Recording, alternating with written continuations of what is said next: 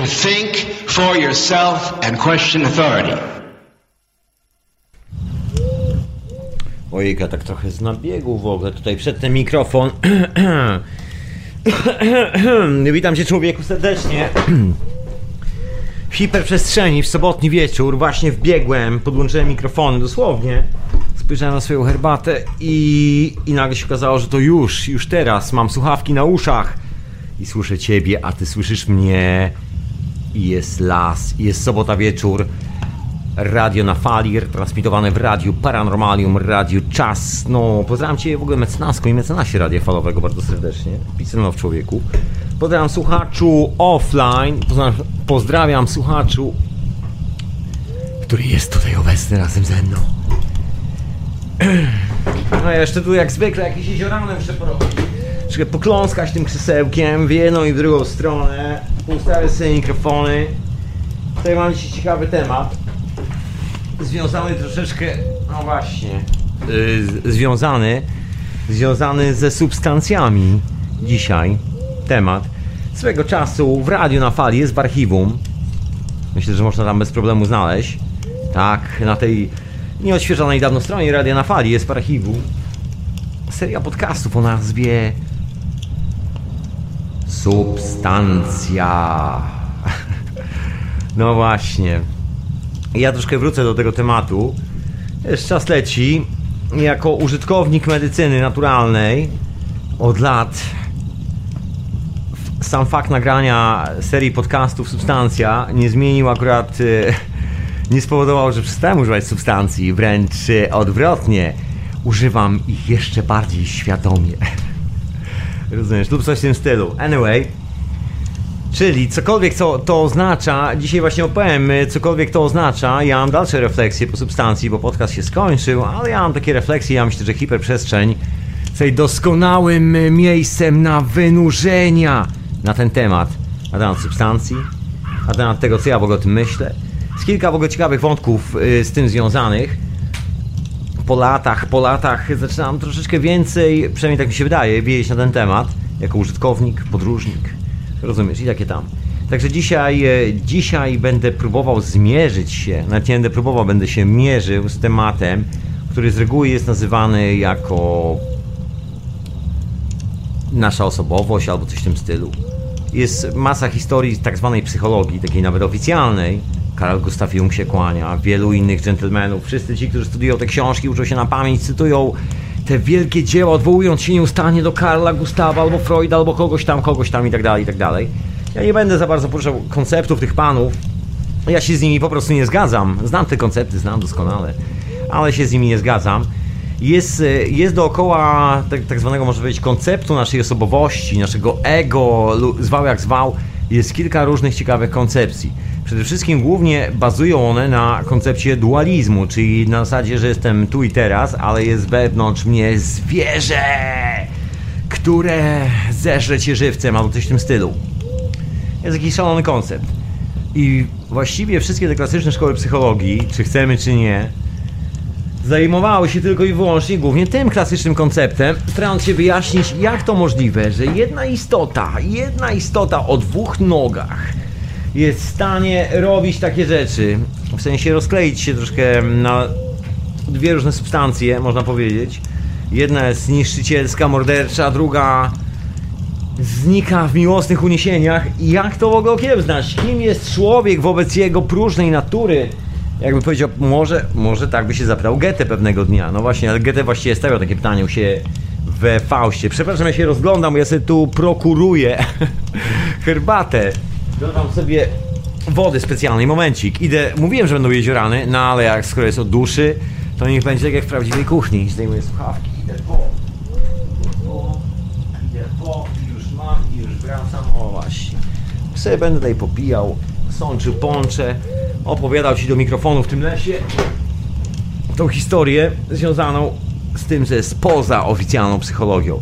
Jest tym ogóle ciekawa sprawa związana, bo to bo temat, właśnie, bo to o czym dzisiaj będę mówić, czyli ten temat zahacza nie tylko i wyłącznie o kwestię naszej osobowości, przynajmniej w moim tego słowa rozumieniu i w ogóle w moim spojrzeniu z tej perspektywy zahacza o zjawisko UFO, zahacza o wiele innych ciekawych rzeczy, zahacza o na przykład y, sprawy związane z och, podróżami do wiel, wielu wymiarów z czasem, dilatacją czasu.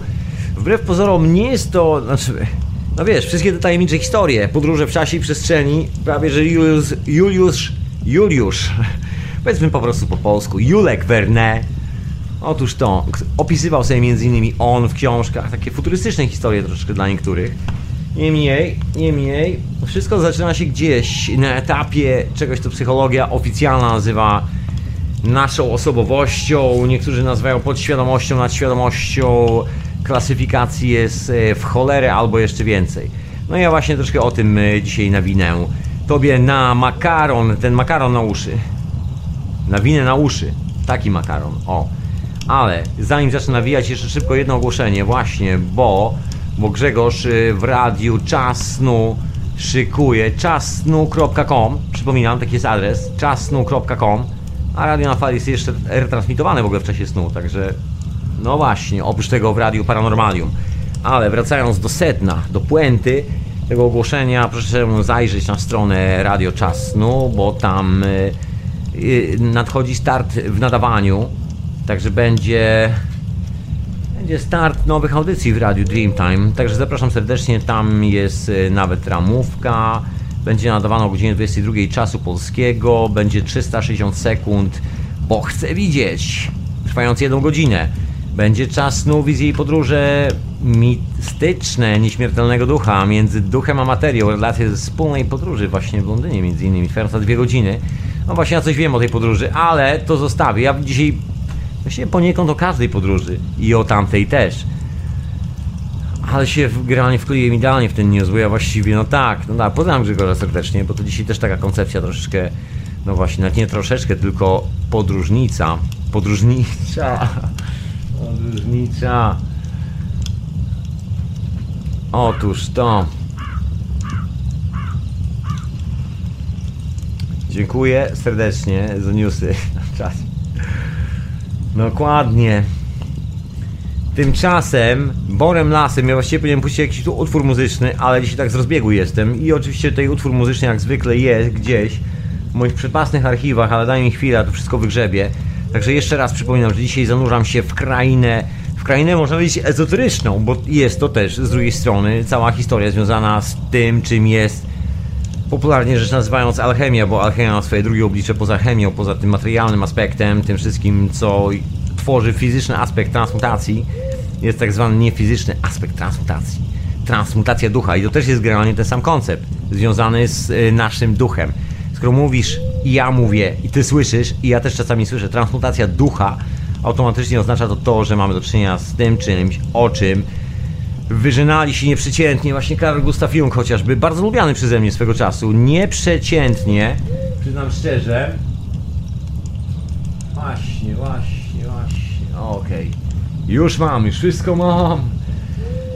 Mam muzykę, człowieku, mam muzykę, jestem przygotowany, ale jeszcze tutaj troszkę poustawiam. Tak czy siak, wracając do mojej opowieści, żeby wrzucić e, troszeczkę na trop przed utworem muzycznym, zacznę może od prostej historii, od tego, że podejrzewam, że wiele rzeczy, takich istotnych rzeczy, w naszej głowie jest uwarunkowanych, między innymi nasza percepcja rzeczywistości, tak mi się wydaje, jest uwarunkowana tym, co wydaje nam się wiemy na temat samych siebie.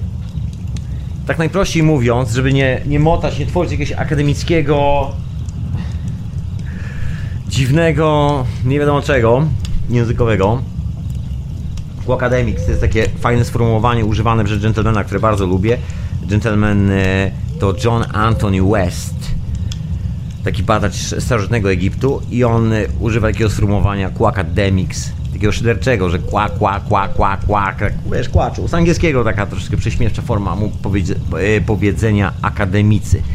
Tak, żeby nie mówić zbyt akademickim językiem, żeby nie, być jak, nie brzmieć jak taki akademik, w skrócie, jeżeli ktoś ci nie powie i mi też nie powie, że pewna sprawa jest możliwa i na przykład wychowa mnie i ciebie przypuśćmy w szklanym pudełku i my przyzwyczajimy się do tego, że jest między nami a rzeczywistością szklana ściana, czegokolwiek, może być zbudowana z emocji, bo ja dzisiaj o emocjach, o tym duchu, bo to właściwie tego się tyczy, no to wiadomo, że ta szklana ściana może spowodować nasze interakcje z drugą stroną, że będziemy jak ten słoń, który przywiązany za młodu do kawałka drzewa wbitego w ziemię, wie, że nie może ruszyć się daleko. I on się tego uczy. I później numer polega na tym, że nawet dorosły słoń, który jest wytresowany, ma taki mały kawałek patyczka na sznureczku przyczepiony do swojej nogi. I numer polega na tym, że on święcie wierzy w to, że ten mały pa patyczek jest tak ciężki, że on nie może się oddalić od tego patyczka za bardzo na długość tego łańcucha, bo jak tylko poczuje lekki opór, to przestaje ruszać się dalej, staje w miejscu. Ten patyczek się wbija tak płytko i to jest taki numer stosowany przez właścicieli słoni w Azji. I ten numer stosowany przez właścicieli słoni jest stosowany przez każdego właściciela własnego samodzielnego mózgu, każdego z nas, tak mi się wydaje, i jest to jedna z takich kluczowych rzeczy, która odpowiada za naszą percepcję, bo wydaje nam się czasami, że nie możemy pójść dalej. Tu w ogóle jest taka historia związana troszkę z technologią, dla nas taką kosmiczną. Dlaczego wspomniałem o UFO? No bo to jest technologia, można powiedzieć kosmiczna, ale widzisz, tu jest taki myk związany w ogóle z e, całym pojęciem technologii. Bo ja zanim skoczę na naszą e, świadomość, o której pisał Carl Gustav Jung, który też pisał o dziwnych obiektach na niebie, o dziwnych rzeczach, zjawach, które widział, duchach przodków i tak dalej. Pisał o świecie nierzeczywistym, jak on to nazywał. Świecie, gdzie, jak twierdził, komunikujemy się z własną psychą. Koleś musiał być nieźle rozjechany, bo ciągle przez całe życie wierzył w to, znaczy, no był. Wystarczy sobie pożyczyć Karla Gustawa, którego zresztą sobie bardzo cenię. Pozdrawiam, Karl. Ka... Karl, pozdrawiam cię serdecznie. Ale wracając do rzeczy, y, to jest taki szalony koncept dualizmu, że jedna część nas samych nie nadąża dru za drugą i nie chce zaakceptować faktu, iż posiadamy zjawisko takie jak komunikacja z troszkę inną rzeczywistością. Mniejsza o czym ona jest, próba wyjaśnienia pojawi się za parę chwil. ale to może za parę chwil. W każdym razie jest coś innego i teraz e, jest tylko kwestia naszej percepcji, jak to sobie zdefiniujemy. Możemy stwierdzić, że jest to głównowarta, nie wiem, halucynacja. Możemy też zauważyć pewne paralo z naszym życiem, czyli pewne dziwne powiązanie i połączenia, które nie dają nam spokoju i nie możemy zasnąć i przemyśliwujemy te powiązania i połączenia. Nie jest to koniecznie związane z substancjami psychoaktywnymi, jest to związane z naszą normalną, codzienną rzeczywistością znamity przykład, którym tu rzucam już od lat w radio na fali. Chociażby kobiety, która zobaczyła swoje dziecko pod kłami samochodu, a była niewielkiej postury, miała 1,60 m y, wzrostu, mając buty na wysokim obcasie. Podbiega to chuchro do tego samochodu, podnosi jedną ręką i wyciąga własne ręką. Nie własną ręką spod samochodu, dziecku się nic nie dzieje. Nikt nie wie, jak to jest możliwe, żeby kobieta podniosła jedną ręką i to takie chuchro, samochód o wadze powyżej jednej tony. Ale takie rzeczy się dzieją i wiemy, że oczywiście można wyjaśniać to w sposób chemiczny, ale nie ma wyjaśnienia. Jedyne chemiczne, tak zwane biologiczne, medyczne, tak zwane academics wyjaśnienia dotyczą tylko i wyłącznie produkcji substancji chemicznych w naszym organizmie. Wiemy, że jedna rzecz jest niedyskutowalna na żaden z milionów sposobów. Wszystkie te zjawiska chemiczne, które się dzieją podczas takiej interakcji, są wywoływane przez zestaw emocji w naszej głowie. Można nazwać to stresem, można nazwać to w dowolny inny sposób. Słynne historie opowiadane przez Ralpha Messnera. Jeżeli nie komasz, to to jest to Ralph Messner, to jest taki gentleman, który się drapał tam, gdzie go nie swędziało, jak mówi stare powiedzonko z brodą, czyli Himalajista. Człowiek, który zdobył chyba prawie wszystkie ośmiotysięczniki, napisał kilka ciekawych książek, bardzo odważny jegomość, wisiał nieraz na linii ryzykując własnym życiem, Twierdzi, że spotkał Yeti, napisał parę ciekawych książek, są przetłumaczone na język polski, polecam w ogóle. Gentleman jest naprawdę bardzo intrygujący. Jego refleksje na temat tajemniczego królestwa Szambali też bardzo ciekawe. Taki, no, podróżnik można powiedzieć, bardzo ciekawy. Ale zostawmy Ralfa Messnera. W każdym razie takich przypadków jest masę i mogę tu ich podawać w nieskończoność. Ta audycja mogłaby się składać z wymieniania nazwisk tych ludzi przez kolejny chyba rok czasu. Dużo tego jest. Mo, może się nagle okazać, że zadzwonisz do mnie za parę chwil, właśnie, bo jestem jeszcze na Skype radionafali.com, zadzwonisz do mnie i powiesz, słuchaj, taka historia wydarzyła się mi. A ci zaraz odpowiem, słuchaj, i mi też, i to nie jedna. Bo takie historie wydarzają się nam codziennie, no może nie codziennie, ale bardzo często. Chociażby nieustannym zjawiskiem, które nam towarzyszy przez całe życie jest zjawisko déjà vu. Czyli moment, kiedy nagle łapiemy się na tym, że byliśmy tutaj, wszystko to już widzieliśmy, Czasami jest to jeszcze bardziej posunięte, bo jest to związane ze snami. Dotykamy rzeczywistości, która teoretycznie, według panów psychologów i pań psycholożek, jest y, czystą i wyłącznie wariacją na temat naszego codziennego życia i stanu konta. Tylko i wyłącznie. I przeszkadza czasami w realizacji naszych rzeczy i trzeba, y, no nie wiem, coś z tym robić. W rzeczywistości tam dostajemy informację, która jest bardzo mocno związana z tym, gdzie jesteśmy w swoim własnym życiu, dzięki czemu nasz zestaw emocjonalny, który nam towarzyszy na co dzień, zamienia nas yy, i na nasze otoczenie w troszeczkę inną chmurę emocji. Właśnie, i tu jest ciekawy, e, e, ciekawy temat, bo jest to moja właściwie definicja na temat tego, czym jest emocja. Jest to bardzo właściwie wizualne zjawisko, jak dla mnie, tak mi się wydaje. I tak twierdzę. Las szomi, ja popijam herbatę w radiu na fali, a ty czego słuchasz? Oczywiście. No właśnie, ale wracając do mojej dotkrynej osobowości, bo nawet nie jest to teoria, jest to moja dotkryna osobowości, właściwie jest to bardziej niż teoria. Sobie nad tym, wiesz, tematem tutaj troszkę święczę, ślęczę i jakoś tak chciałem powiedzieć, że spędzam troszkę więcej czasu niż niż przypuszczałem, że w życiu będę spędzał, spędziłem na tym tematem i koniec końców Mam z tym pewne refleksje. Ale wróćmy do konkluzji. Wróćmy do konkluzji, żeby nie błądzić dookoła. No więc mowa jest o emocjach, mowa jest o tym czymś, co oficjalna psychologia nazywa podświadomością, tymi wszystkimi nieujawnionymi instynktami, tym rozwojem osobowości, że Dr. Jekyll i Mr. Hyde, że koniecznie każdy z nas ma w sobie psychopaty i musi złapać za brzytwę i sobie odciąć głowę po drodze, wyżynając cały świat. Wszystkie te szalone pomysły, ale ja myślę, że zupełnie inaczej. Myślę, że jest, y, że, że jest zupełnie inna konstrukcja jakby całego tego opakowania. Tutaj zacznę od czegoś takiego, czym są w ogóle emocje. Właściwie cała ta historia dotyczy tylko i wyłącznie emocji, bo nawet y, ta psychologia, o czym wcześniej wspomniałem, bazuje tylko i wyłącznie na tym, że mamy przed sobą gentlemana, który jest ok, w ogóle rozumiesz. W sensie wizualnym ma garnitur, krawat, jest akceptowalny, ma ze sobą ekskluzywny samochód y, marki czerwonego koloru, rozumiesz, nie nosi żadnego żadnej walizki przy sobie, bo nie musisz nosić walizki, od tego jest jego menadżer, rozumiesz, helikopter ląduje w tle, tego typu historie, ale ten obywatel może być psychopatą, słuchaj, i często jest. Ale widzisz, jak to jest możliwe, że część z nas, bo to chodzi o to cudowne odkrycie współczesnej psychologii, tej tak zwanej szarlatanerii, ja to nazywam po prostu szarlatanerią, współczesną psychologię, bo jest to nauka, która właśnie nie jest żadną nauką, jest to po prostu szarlataneria. Anyway, według mnie oczywiście, o, możesz się ze mną kłócić, ale nic ci z tego nie wyjdzie. Ja nie zmienię swojej opinii. Ha, taki jestem. I wracając do tych historii, jest to rozgraniczenie pomiędzy naszą fizycznością, czyli tym, tak będę mówił takim dziwnym językiem, ale myślę, że złapiesz o co chodzi. Aspektem fizyczności, czyli tym wszystkim, co robimy własnymi łapami, tym, co artykułujemy ze siebie, tym, co możemy świadomie kontrolować, tym całym światem na zewnątrz, właściwie nie tyle całym światem, ile naszą interakcją ze światem, czyli tak dobrze się kontrolujemy, że reagujemy w bardzo przemyślany sposób i przemyślny sposób przede wszystkim na wszelkie impulsy ze świata zewnętrznego, jeżeli ktoś zapyta się ciebie o coś. I tu przypomina mi się taki stary dowcip związany z kultowym filmem pokolenia moich rodziców, Siedem mgni wiosny zdaje się, o sowieckim agencie, taki protoplasta Hansa Klossa można powiedzieć, który szpiegował na rzecz sowieckiego wywiadu w faszystowskich Niemczech, był specjalnie przerzucany przez granicę, szpiedzy, afery, kryminalne historie, rozumiesz, wojna i czekamy na koniec Wielkiej Ojczyźnianej Wojny w Rosji.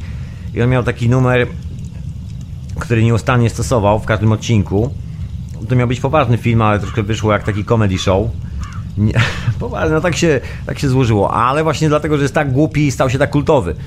Nie wiem, czy jest polskie tłumaczenie w dzisiejszych czasach, ale w każdym razie ta, główny bohater wykonywał taki numer pod tytułem Wchodził jak oczywiście szpieg rosyjski podczas II wojny światowej do gabinetu, w którym siedział jakiś feldmarszałek, znaczy w którym nie było feldmarszałka, ale wchodził do jego gabinetu, wyciągał mały aparat e, szpiegowski schowany w spince do krawata. Coś w tym stylu, jakiś taki absurd czy w piórze, coś w tym stylu wyciągał otwierał tajne dokumenty, robił zdjęcie na biurku i nagle wchodził ten feldmarszałek, a wtedy mm, nasz rosyjski szpieg odwracał się w kierunku owego gentlemana i zadał mu pytanie Na przykład, jak smakowało, jak smakowało dzisiejsze śniadanie feldmarszału, coś w tym stylu. I, i z offu, czyli z backgroundu, z tła dobiegał głos. E, który tłumaczy mniej więcej to w ten sposób, że bo tam był oczywiście główny bohater i tak dalej, i tak dalej. Czekaj, jakby to powiedzieć, żeby nie, żeby nie zepsuć tego. A właśnie, ja jestem słaby w opowiadaniu dowcipów. Tekst z ofu brzmiał Nasz człowiek wiedział, że należy rzucić pytanie zupełnie niezwiązane z kontekstem, aby feldmarszałek nawet nie pomyślał o tym, co widzą jego własne oczy. Chodziło o odwrócenie uwagi, taki paranoidalny troszkę, no nie wiem, jak zwykle zwaliłem ten dowcip. Ja nie jestem y, specjalnie opowiadaczem dowcipów. No tak się, tak się niestety złożyło. W każdym razie koleś za każdym razem, kiedy nakryto go w sytuacji inflagranti, czy już takiej, że już naprawdę no, nie może nic zrobić, poza tym, że powinni go zakuć albo rozstrzelać, to on w tym momencie rzucał jakimś kretyńskim pytaniem pod tytułem Jaka jest pogoda? Na zewnątrz i wtedy feldmarszałek zadumiał się, następnie nasz główny bohater chował wszystkie dokumenty do szuflady, łącznie z aparatem fotograficznym, feldmarszałek się odwracał, mówił nie jest zimno jak na to porę roku, całkiem słonecznie, ale troszeczkę zaczyna wiać już zimnym wiatrem. No właśnie, wtedy nasz główny bohater wychodził z gabinetu jak gdyby nigdy nic i tak oto dokonywał swoich szpiegowskich, słuchaj, wielkich akcji. My dokładnie robimy mniej więcej taką samą stękę sami ze sobą odgrywamy, że nie widujemy pewnych rzeczy. I to jest mniej więcej takie rozbicie naszej osobowości, naszej jaźni, można powiedzieć, na nasz, naszą rzeczywistą e, interakcję z światem zewnętrznym, czyli w tym momencie odgrywamy, że robimy coś, czego nie robimy, nikt tego nie widzi, właściwie jesteśmy takimi kretynami. Oraz, że akceptujemy to, kim jesteśmy. Nasza cywilizacja tak w takim oficjalnym nurcie do tej pory ma bardzo poważny problem z zaakceptowaniem tego, że jest coś więcej niż tylko i wyłącznie opakowanie fizyczne, które kontrolujemy przez y, swoje, można powiedzieć, filtry emocjonalne. To, co robimy na zewnątrz, to jak się komunikujemy z innymi ludźmi, to, co robimy własnymi rękami, to, czy oddamy ten portfel, który znajdziemy, czy nie oddamy. Rozumiesz, wszystkie te pułapki, które czekają, jak to niektórzy mówią nas w życiu, a niektórzy nazywają je że, nie, że to nie są żadne pułapki. Ja właśnie należę do takich ludzi, którzy nie uważają tego za pułapkę, a uważają to za wręcz dar. Słuchaj, masz sytuację, w której możesz zareagować w niesamowity sposób, stworzyć radosny potencjał. Znajdujesz portfel, nie musisz kasować tej kasy do własnej kielni, możesz zanieść właścicielowi. Prosta sprawa.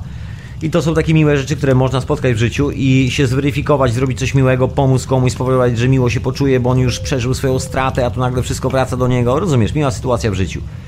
I to są rzeczy związane z emocjami. Możesz to powiedzieć, że to jest logiczna decyzja, ale każda logiczna decyzja w naszym życiu jest podyktowana emocjami. I jest taki moment w naszym życiu, kiedy emocje nie zgadzają się z rzeczywistością, i wtedy do roboty wkracza licencjonowany szarlatan, czyli pan psycholog, który stwierdza, że ma metodę na synchronizację naszej osobowości, bo on twierdzi, że jesteśmy z jednej strony psychopatą, z drugiej jesteśmy samym aniołem, po prostu pure angel.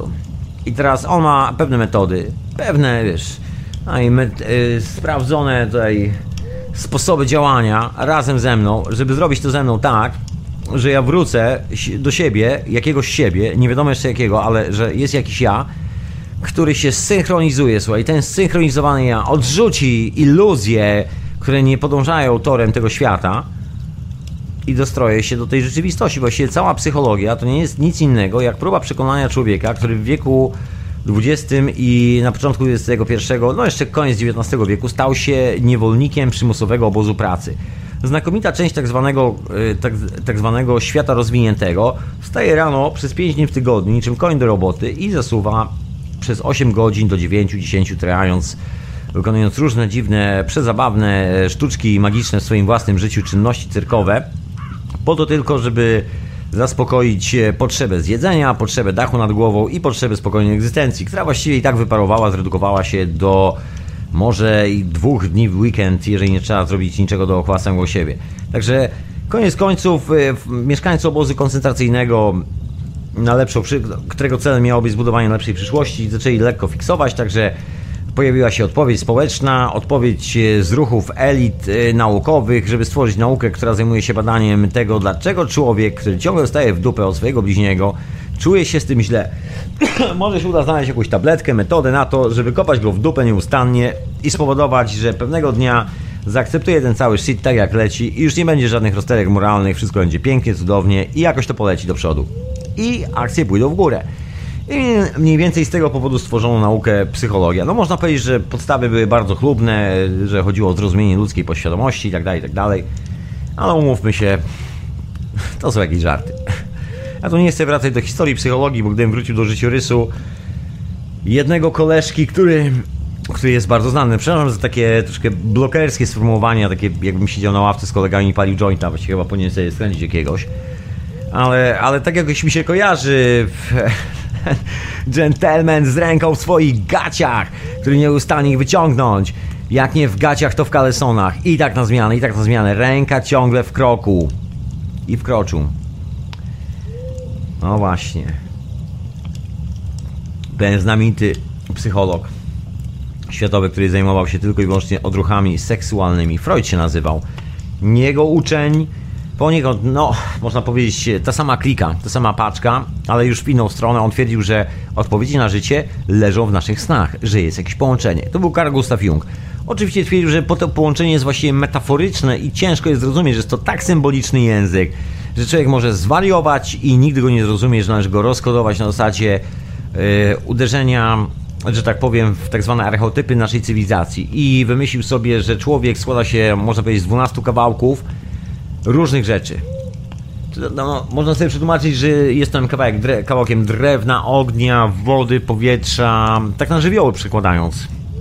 I w ogóle twierdził, że cała ta alchemiczna szkoła europejska jest niczym innym jak doktryną mówiącą nam o naszym psychologicznym położeniu i że te żywioły to właściwie nie, nie mają żadnego sensu logicznego, to jest tylko i wyłącznie metaforyczna doktryna. Czyli, czyli taki koncept, że na przykład pewnego dnia czuję się wiatrem, kiedy biegnę przez pola z tobą, kochanie, za rękę, rozumiesz? A pewnego dnia czuję się jak kamień na dnie rzeki, albo coś w tym stylu. Takie, takie dywagacje snu. Stwierdził na końcu, że właściwie każda sytuacja życiowa to była taka, no można powiedzieć, mało naukowa praca. Jest to w jego ostatniej książce, którą ja osobiście bardzo sobie cenię, nawet do dzisiaj. Nawet, nawet pomimo swoich refleksji. E, to się nazywa Sny i wspomnienia Carl Gustav Jung. I on tam opisał właśnie troszkę na ten temat, że zaczął, e, zaczął to trochę inaczej postrzegać, e, że zrobił sobie taki troszkę kredyt myślenia o tym i kojarzy to troszeczkę z własnymi indywidualnymi lękami i przemyśleniami. Postanowił z tej okazji wybudować wieżę z kamienia nad jeziorem genewskim na swojej posesji, jako starszy już jegomość i jako taki pan psycholog wrócić do podstaw, zrobić coś, co ma jakikolwiek sens, y, wieżę widokową dla ludzi albo coś takiego. I robił to w taki przezabawny sposób, że co któryś kamień jest rzeźbą. Od wewnątrz i od zewnątrz w tej y, wieży. Nie byłem tam, nigdy nie zwiedzałem, więc nie wiem jak to do końca wygląda. Są zdjęcia na internecie. I tam co, któraś, co któryś z tych kamieni, który tam jest włożony w tą wieżę, on tak po prostu robił sobie cement i tak sobie hobbystycznie jako emeryt budował taką wieżę z kamienia na swojej posesji. Właśnie, ale wracając do tych, co, co po niektórych kamyków, to są rzeźby różnych symboli, nie wiem, przedstawi jakieś groteskowe, różne takie historie, które sobie, symbole przede wszystkim, które on twierdził, że są związane z różnymi aspektami osobowości i tak dalej, i tak dalej troszkę obsesji na punkcie masonów, transmutacji. Nikt nie mógł głośno tego mówić, ale wiemy doskonale, że Carl Gustav Jung był zafascynowany alchemią i transmutacją. Powtarzać to w, e, w wielu jego pracach. I zresztą, oprócz tego wszystkiego, zdarzyło mu się spotkać na swojej drodze życia, bo dlaczego o nim wspominam, a miałem mówić o substancjach, a mówię o takich nudach Quackademic, Quackademics, bo Carl Gustav Jung miał kontakt z peyote, tajemnicza historia, którą, że tak powiem, sam e, wyklął ze swoich pamiętników. Opisał bardzo szczątkowo, że dokonał pewnej transmutacji e, psychologicznej po rozmowie z pewnym szamanem podczas wizyty w Ameryce Południowej. Wiemy, że szaman go potraktował czymś, o czym Carl Gustav Jung wiedział, bo znał historię o grzybach w Europie Środkowej, Wschodniej i Zachodniej o Amanita Muscardi i tak dalej. To nie była taka tajemnica. Wiedział o Sporyszu, Sporyż też był znany. Wiadomo było, że Sporyż był używany do magicznych celów, transmutacji osobowości, między innymi przez alchemików. Sporyż to jest grzyb, który po syntetyzowaniu i wyczyszczeniu do takiego do takiego prostego stanu zamienia się w przeźroczysty płyn, który nosi nazwę kwas lizurejdowy, popularnie zwany kwasem, a przez niektórych nazwany LSD. No właśnie, także wiemy, że substancje się tarzają za tym obrazem naszym, naszej osobowości już od niepamiętnych czasów. I jak na ironię, właśnie Carl Gustav Jung, który sięgnął po kawałek tego kaktusa, czy co tam było, wrócił do Europy i zmienił troszeczkę sposób patrzenia na swoją osobowość. No nie do końca, bo tam miał swoich klientów i nie chciał też wyskakiwać przed szereg. Siedział sobie spokojnie, trwała wojna, naziści się tłukli, inne rzeczy się działy na świecie, a on sobie siedział i trzepał niezłą kasę, lecząc y, psychopatyczne problemy najbogatszych ludzi y, świata, mieszkających wtedy w Genewie i bywających tam bardzo często. Rodzin bankierów, znanych możnowładców, fabrykantów itd., itd. Takie wiesz, wygodne życie na co dużo mówić, po prostu zadrzebistej pozycji jednego z najbardziej cenionych psychologów i najlepiej opłacalnych zresztą. No i piszący swoje wspomnienia, cokolwiek koleś napisał, od razu było drukowane z, o, po prostu z wypiekami na twarzy przez jego fanów w ogóle. Towarzystwo Karla Gustawa Junga, Towarzystwo Psychologii, w ogóle zaprzeczył Freudowi, rozwinął jego tezę, alternatywna szkoła, rozumiesz? I poszło w Ameryce popularność wielka. No i też trzymając się z dala od jakichkolwiek konkluzji politycznych, także nie podzielił losu Wilhelma Reicha, który odkrył troszeczkę większy mechanizm, bo tam dalej jest Wilhelm Reich, który oczywiście też był z Karlem Jungiem związany. Zresztą uczeń Karla Gustawa Junga miał zostać jego szwagrem, ale stwierdził, że córka, mm, znaczy nie Karla Gustawa Junga, tylko szwagrem Freuda, przepraszam bardzo, szwagrem Freuda miał zostać bo był jego najlepszym uczniem i miał zostać szefem, następcą Freuda na stanowisku szefa Stowarzyszenia Psychoanalityków. Najbardziej elitarne stowarzyszenie ku akademików, czyli tych szarlatanów, które powstało kiedykolwiek w historii świata. W tej dziedzinie naukowej oczywiście, tak zwanej psychologii naukowej.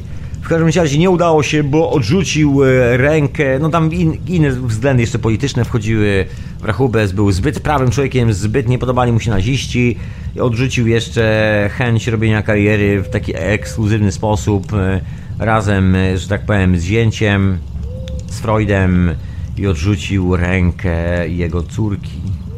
Co wściekło całą rodzinę. W ogóle historia troszkę taka, ja może ją pominę, bo taka prywatna historia pomiędzy rodziną Zygmunta Freuda, a właściwie jego, można powiedzieć, bardzo rock'n'rollową córką, która się sama nie wiedziała, czy woli mieć dziewczynę, czy chłopaka i Freud Freud postanowił wydać za mąż za kolesia, który ją jakoś uziemi i wydawało mu się, że tym kolesiem będzie no nie kto inny jak oczywiście Wilhelm Reich.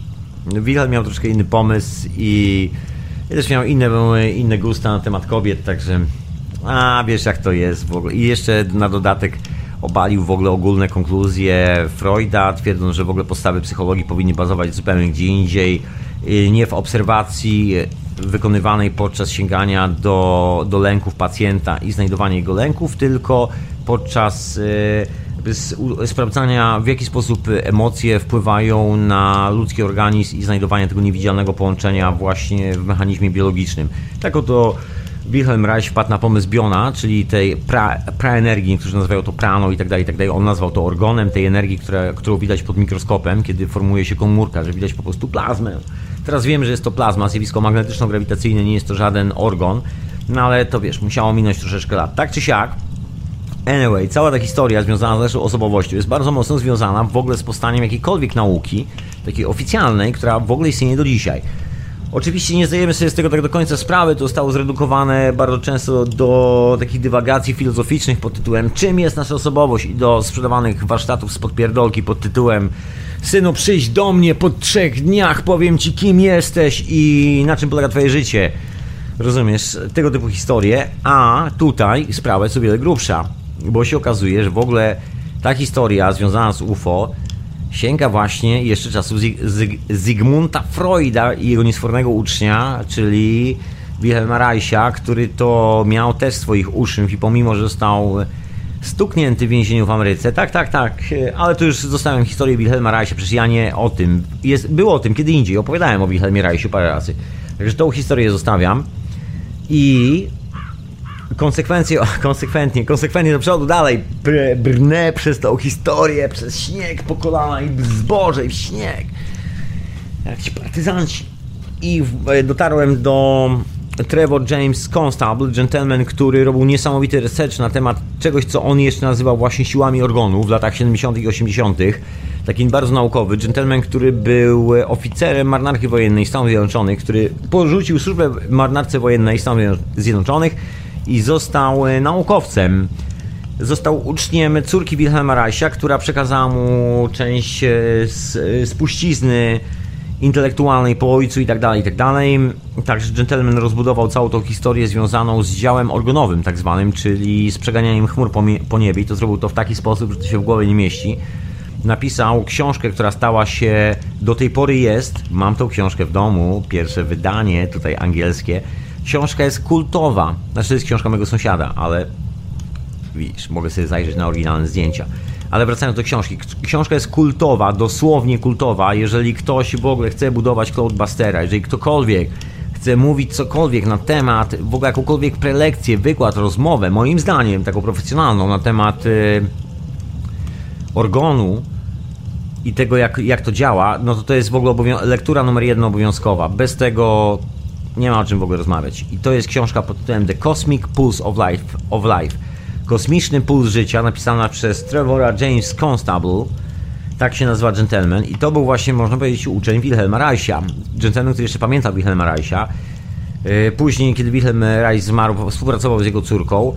Później współpracował już jako własna firma zajmująca się właśnie wprowadzaniem takich bardzo alternatywnych i działających rozwiązań dla rządów w wielu bardzo ciekawych krajach, takich jak Singapur, bo Singapur to jest, zdaje się, osobne państwo-miasto pracował dla lokalnego rządu, kiedy był tam potężny monstrum i trzeba było zmienić pogodę i faktycznie jest to udokumentowane normalnie dokumentami rządowymi, że facet wziął urządzenia na helikoptery, wyleciał i przesunął dosłownie monsun o parę kilometrów dalej, ratując miasto przed totalnym zalaniem i wielką katastrofą, która nadchodziła.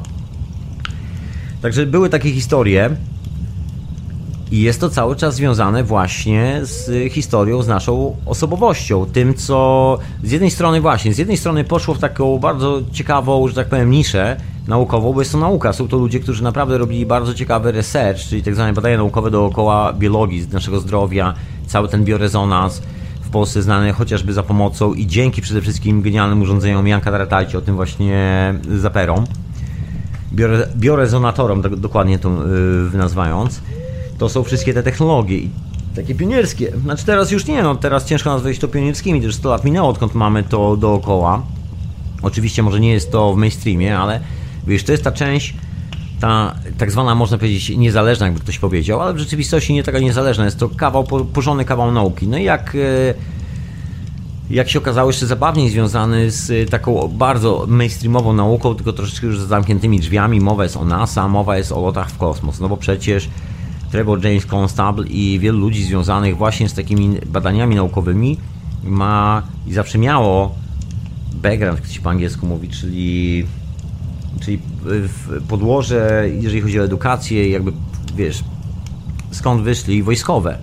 Oni zawsze byli gdzieś z wojska, spędzili tam parę lat, mieli niesamowite kontakty i tak dalej, i tak dalej. To byli ludzie, którzy mieli troszeczkę większy zasięg, że tak powiem, kontaktów osobistych i możliwości zdobywania informacji niż przeciętny obywatel, i ci ludzie bardzo często partycypowali w, w różnych badaniach, w różnych placówkach naukowych itd., tak itd. Tak Wiadomo, że troszeczkę tych rzeczy przeciekło do NASA, było wykorzystywane. Jest w ogóle bardzo ciekawa historia związana z tak zwanym problemem oficjalnych zdjęć z lądowania na Księżycu. Z tymi bardzo dyskusyjnymi zdjęciami, które są bardzo kontrowersyjne. Jest takie zdjęcie, ja akurat w tym momencie nie mam go pod ręką, nawet nie będę wklejał za bardzo na czata, bo nawet nie mam linka, ale jak będzie muzyczka, to może rzucę się i poszukam. Zdjęcie jednego z dżentelmenów na Księżycu z takimi łunami dookoła.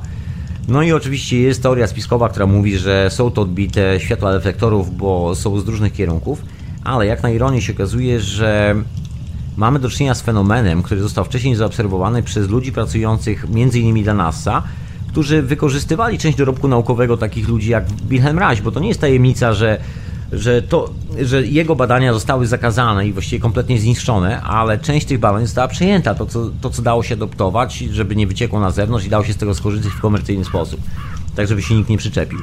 To gdzieś tam zostało używane i wiadomo, że jest używana taka bardzo specjalistyczna fotografia robiona w różnych specjalistycznych pasmach podczerwieni.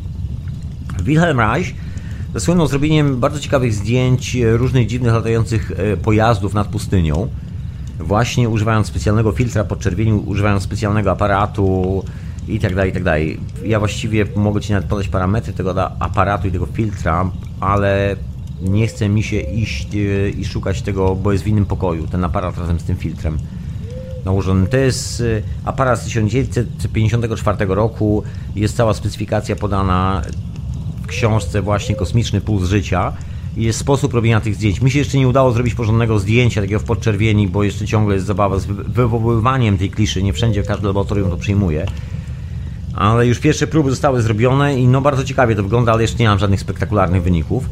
Niemniej nie mam żadnego akurat Cloudbustera, także nie mogę zrobić powtórki eksperymentu właśnie Trevora Jamesa Constabla i Wilhelma Reicha, czyli ustawić Cloudbustera na niebie, ale Cloudbustera ich konstrukcji, nie tych rurek miedzianych, bo to jest coś zupełnie innego, tylko tej oryginalnej maszyny, która troszeczkę no inaczej jest zbudowana, inaczej prawdopodobnie działa, także ten temat, e, ten temat jest tutaj jasno opisany w książce, to nie będę się rozlekał za bardzo. Także nie mogę z, do końca zrealizować tego eksperymentu. I oni robili takie zdjęcia, gdzie były bardzo takie dziwne łuny dookoła urządzeń, na niebie dziwne łuny, była historia związana z tym, że UFO atakuje Ziemię, różne dziwne opowieści. I nagle się okazuje, że podobne łuny pojawiały się w kosmosie. Podobne łuny pojawiały się przy wyładowaniach elektrostatycznych. Co bardzo ciekawe zdjęcia robione w e, laboratoriach firmy Bell. Proszę pania. Proszę pana i proszę pani. I to nie jest żaden dowcip, to nie jest to nie jest żaden science fiction. Wyładowań, zdjęcia dotyczyły wyładowań elektrostatycznych w różnych częstotliwościach. Bo się okazuje, że no oczywiście jest to wzbudzana plazma i dzieją się różne ciekawe rzeczy podczas właśnie owych zjawisk. No i się okazuje, że takie łuny się pojawiają właśnie w kosmosie i takie łuny pojawiły się dookoła żywych istot. I w ogóle te łuny widać pod mikroskopem podczas formowania się żywych organizmów. No i konkluzja była dosyć prosta. Było to potwierdzenie rewolucyjnej tezy Wilhelma Reicha, która kompletnie obala oficjalną doktrynę biologii, która jest do tej pory wykładana na uniwersytetach na świecie, oficjalną doktrynę fizyki itd., itd., itd. Dlatego też y, doktryna została, że tak powiem, zatrzymana, zamrożona gdzieś tam w podziemiach, a na zewnątrz sprzedaje się nieprzeciętny kit ludziom i opowiada bajki rodem z opowieści dla dzieci. Nawet gorzej, bo opowieści dla dzieci mają przynajmniej morał. Natomiast te bajki, które często nam się opowiada na uniwersytetach, już są naprawdę opowieści science fiction bez żadnego morału. W każdym razie jest to związane z naszą osobowością, bo nasza osobowość bazuje w organizmie, który jest zbudowany z komórek i widać interakcję pomiędzy jednym a drugim. No i tu się pojawia w ogóle historia związana z szamanami z Ameryki Południowej, Środkowej, Północnej, z szamanami ze stepów e, Afryki, z, z Australii, z tymi prawdziwymi, z szamanami, skąd pochodzi oryginalna nazwa, czyli z Syberii. Mowa jest o polu, które stwarza człowiek, że człowiek tworzy pole że nasze uczynki, nasze emocje, to jest taka naprawdę mocno szamańska historia, ale jak się okazuje, właśnie skojarz ją z tym zdjęciem człowieka na Księżycu. Mamy swoje pole dookoła, skojarz z fotografią kirianowską i fotografią wyładowań elektrostatycznych dookoła ludzi, chociażby Nikola Tesla robił takowe dziwne zdjęcia, widać tam dużo piorunów. Już wtedy były takie fakty obserwowane i notowane jako istniejące zjawiska, jako coś, co nie podlega dyskusji, czy ono istnieje, czy ono jest teoretyczne. To widać dookoła nas Dotykasz klamki, przelatuje iskra pomiędzy twoim palcem a klamką, zanim ją dotknąłeś. Się zaiskrzyło między nami, nie? No właśnie. I to jest ta prosta historia, która tutaj się dzieje. I teraz pytanie, gdzie ta yy, synchronizacja następuje? Czy synchronizacja, o której mówi yy, tak zwana tak zwany zestaw yy, szarlatanerii, ku akademicy, ku academics, o nazwie psycholodzy, oficjalnie, czy ta synchronizacja następuje w momencie, kiedy się dostosujemy do systemu, który mamy dookoła nas, czyli systemu, w którym i sposób pozyskiwania energii, i sposób zrozumienia funkcjonowania ludzkiego organizmu, i sposób w ogóle, i dotkryna na to, jak jest zbudowany uniwers, jak w ogóle funkcjonuje kosmos, ma jakikolwiek sens. Oczywiście, że nie ma żadnego sensu.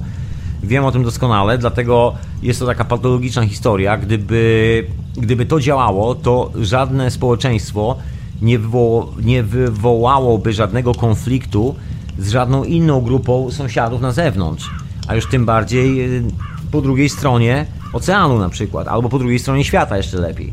Nie byłoby takich możliwości. Ludzie nie mieliby w sobie tego szaleństwa, nie dałoby się sprzedawać broni, nie można było robić innych rzeczy. Nie dlatego, że byłoby chociażby zakazane, tylko dlatego, że Nikt zwyczajnie nie czułby w sobie tego wariata, który musi kogoś zabić, żeby poczuć się bezpiecznie, albo musi myśleć o tym, że jest panem czyjegoś życia w ramach ubezpieczania swojego własnego życia. Rozumiesz, że wszystko polega na tym, że ktoś kiedyś, e, kiedy kończy grać melodia, zabiera jedno krzesło i kiedy 10 użytkowników e, zabawy próbuje usiąść, nagle się okazuje, że jest to jedno krzesło za mało i jeden odpada, ktoś dostaje kulkę w głowę i zabawa toczy się dalej. Rozumiesz, tu to jest oficjalna wizja. Ktoś z tej zabawy odpada, ląduje u psychologa na kozetce, opowiada o tym, że jest traumatyzowany, nie potrafi sobie poukładać życie, a psycholog nawet sobie nie zdaje sprawy, że, że obok ta osobowość to nie jest jakieś jego ego albo nie wiadomo jaka pod nadświadomość, nie wiadomo co, tylko że to jest rzeczywista istota, która się rozjeżdża, ponieważ rzeczywistość, która, którą obsługuje i ten cały, ta część interfejsu nie pasuje do tego, jak jest skonstruowana w środku. I tam jest ten rozjazd.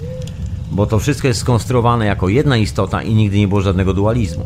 I to jest coś, o czym mówią od samego zarania wszyscy ludzie, którzy mieszkają w dżungli. Wszyscy ludzie, którzy mieszkają właśnie w takich dzikich jeszcze miejscach, używający naturalnej medycyny. Mowa jest o substancjach psychoaktywnych, żebym przypadkiem tutaj nie zapomniał Ci o tym przypomnieć, żebyś Ty nie zapomniał tego usłyszeć. Tak, tak.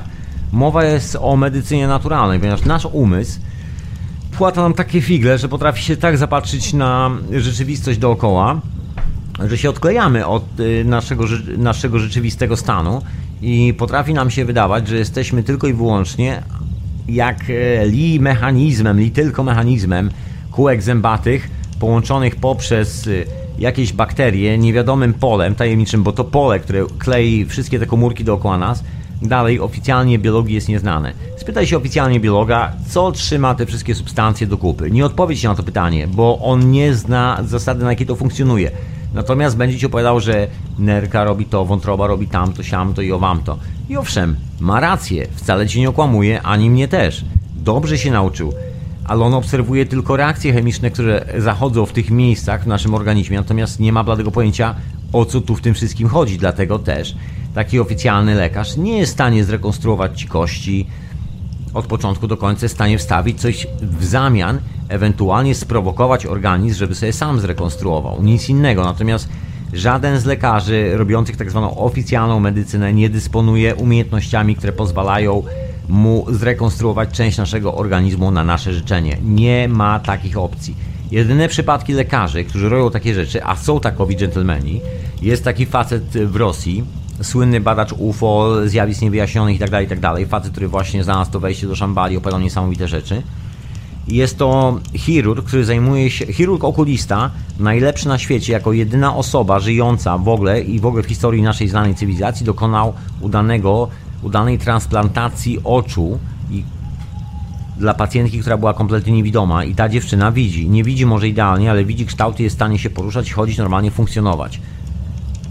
Wyobraź sobie. I ten facet twierdzi, że jest, że cała ta operacja była dyktowana przez jego ducha, że on łączył się ze swoją rzeczywistą istotą, którą jest i to był taki specjalny stan, w którym jego ręce były prowadzone przez y, czystą intencję pomocy, chęci uzdrowienia tej żywej drugiej istoty, którą właśnie w tym momencie operował.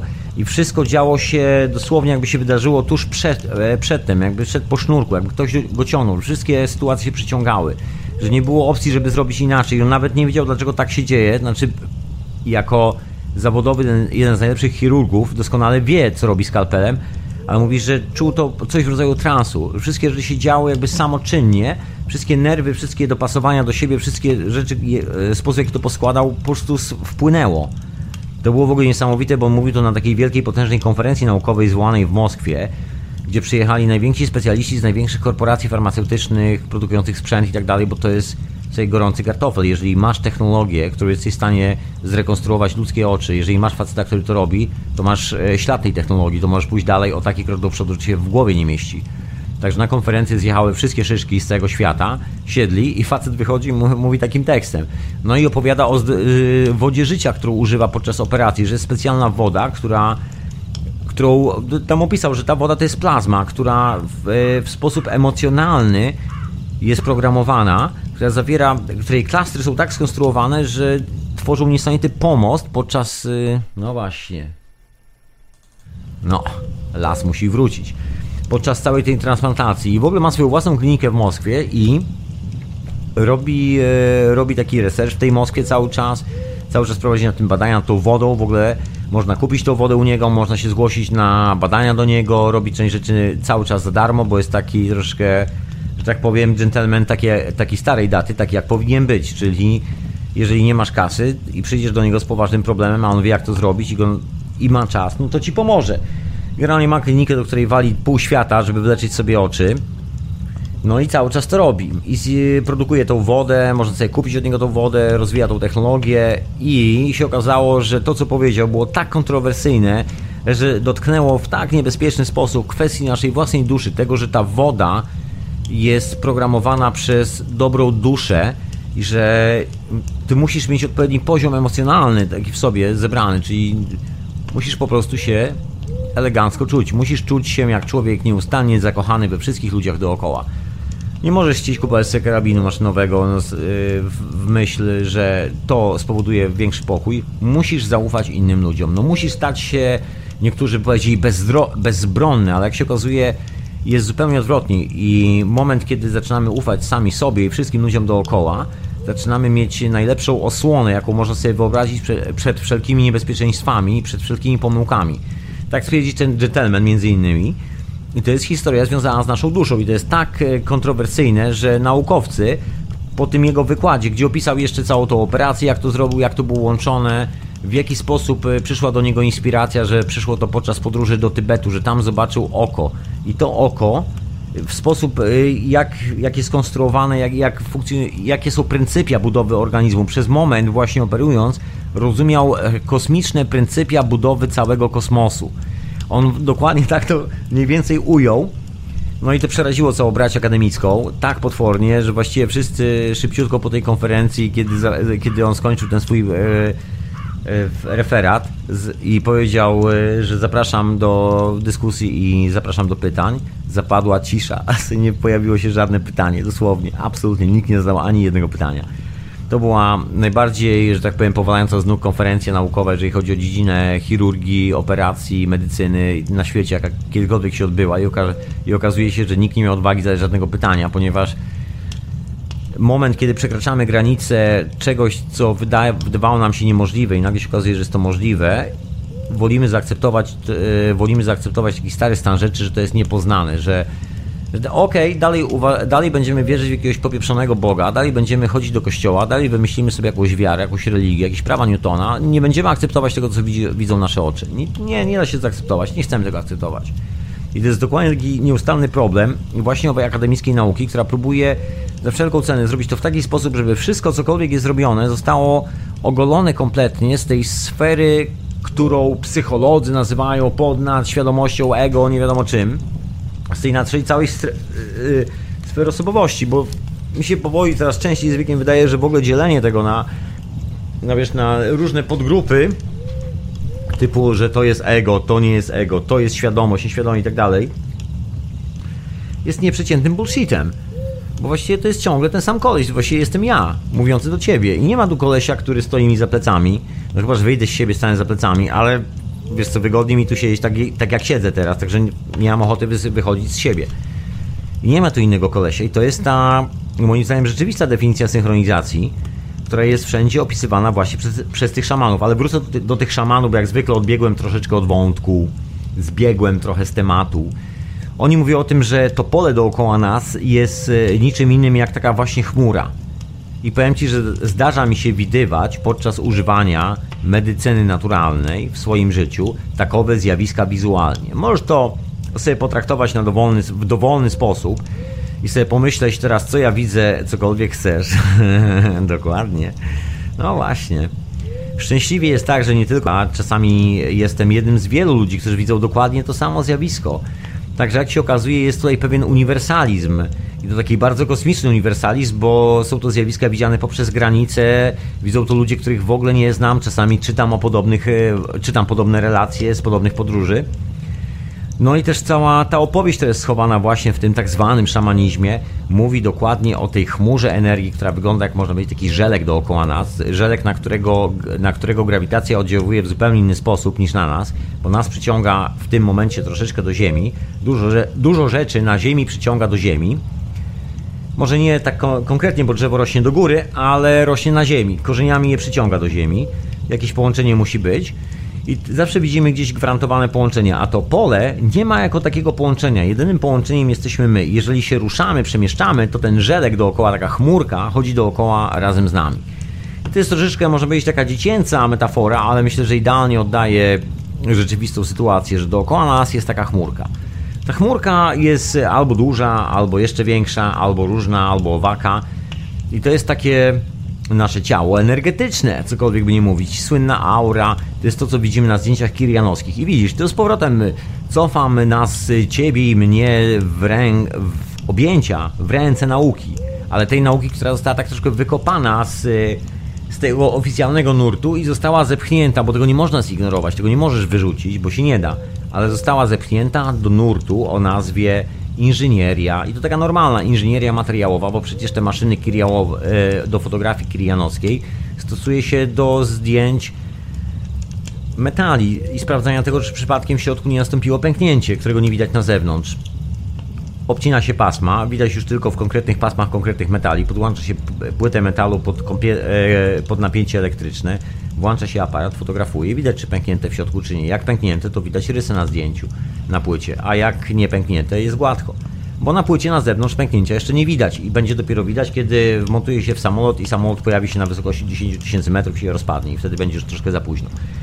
Ale do fotografowania ludzi ciężko, ciężko tego używać, pomimo, że urządzenie istnieje. Nie ma problemu, żeby je kupić. Niestety kosztuje fortunę Sprawdzałem e, takie najtańsze zdjęcia, najtańszą maszynę do robienia tych zdjęć. Niestety zdjęcia są małe, ciężko, jakby tym możesz robić zdjęcie ręki, chyba zdaje się taki był format.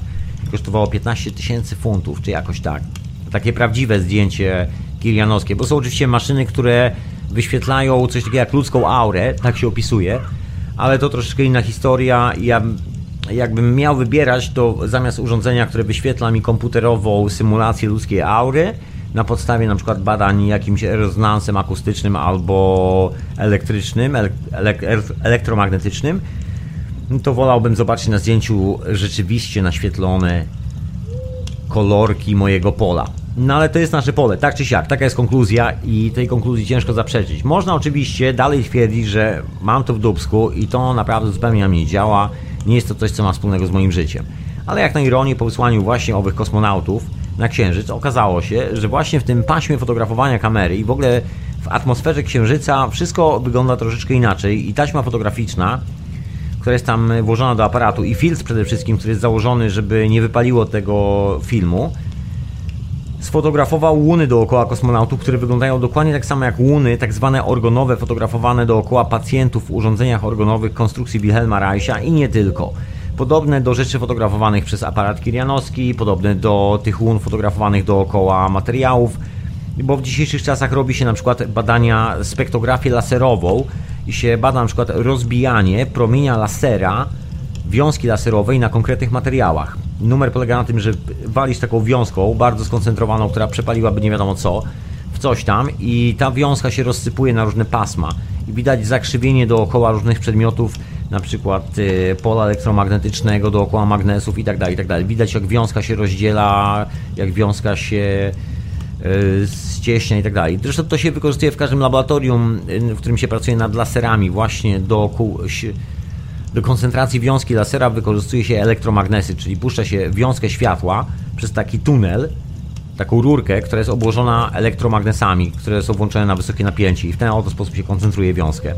Także nie jest to żadne czary mary i wiadomo, że takie rzeczy istnieją. Także pytanie pod tytułem, co nam się oficjalnie sprzedaje jako obraz nas samych i dlaczego za każdym razem, kiedy próbujemy się dowiedzieć czegoś więcej, sprzedaje nam się nieustanny kit, że jesteśmy kółkiem zębatym, skoro właściwie cała nauka, jedyna nauka, która działa, bo dzięki temu mamy jedyne działające urządzenia, nie dzięki tym przygłupawym troszkę teoriom z akademii uniwersyteckich, a już tym bardziej szarlatanerii psychologicznej mamy działające urządzenia, tylko dzięki połączeniu czegoś, co nazywamy duchem. Na różne aspekty można to rozbierać, ale to dalej jest duch, z tym, jak go reprezentujemy w świecie fizycznym, że właściwie budujemy interfejs do naszych emocji. To są właściwie działające maszyny do dzisiaj. Czy chcemy, czy nie. I tu jest e, historia związana właśnie z tym polem. Z, znana w Polsce, chyba wszyscy, wszyscy w Polsce, którzy chyba czytają książki, przeczytali książkę, e, jak on się nazywa? Pole morfogenetyczne. Nie mówię o Rupercie Shadrake'u, tylko mówię o o polach, o tym przenoszeniu się pól bakterii, wody i tak dalej, i tak dalej. Wszystkie te historie związane z tym, jak nasza intencja wpływa na naszych sąsiadów, na nas samych, na przedmioty dookoła, na rośliny. Przecież wszyscy to doskonale wiemy. Ale tu jest jedna sprawa, która jest związana z tym, że ignorujemy to wszystko. I jeszcze wrócę do tych zdjęć, bo na tych zdjęciach, oprócz tych łun dookoła kosmonautów na Księżycu, zaobserwowano obiekty na niebie. I to jest ciekawa, ciekawa historia. Okazuje się, że ta energia, którą my wydzielamy z siebie, te, te coś, którego nie widzimy, ta chmurka, ten żel, żelek, w którym chodzimy cały czas, ma podobną konstrukcję energetyczną do czegoś, co możemy nazwać naszymi braćmi w kosmosie. I teraz jest pytanie, czym to jest? I teraz, czy jakakolwiek opcja oficjalnej psychologii, oficjalnej nauki, ku academics, tego, że tak powiem, uniwersyteckiego bullshitu kiedykolwiek doprowadzi nas do rozwiązania tej zagadki, tym bardziej, że ona nie akceptuje takiego stanu rzeczy. Tam kolesi siedzą w gabinetach i mówią nam, stary, twoje życie jest ok. Zrobiłeś na piękny sportowy samochód dla swojej córki. Ma piękne Ferrari. Zrobiłeś na piękne Lamborghini dla swojej żony. Zarobiłeś na pięknego, zabytkowego Jaguara dla siebie.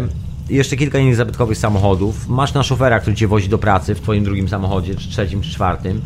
No wiem, że masz problemy psychologiczne Słuchaj, nie rzucaj tego, co robisz, wszystko jest ok, bo przestaniesz mi wtedy płacić moją grubą, tłustą wyprawkę za porady psychologiczne.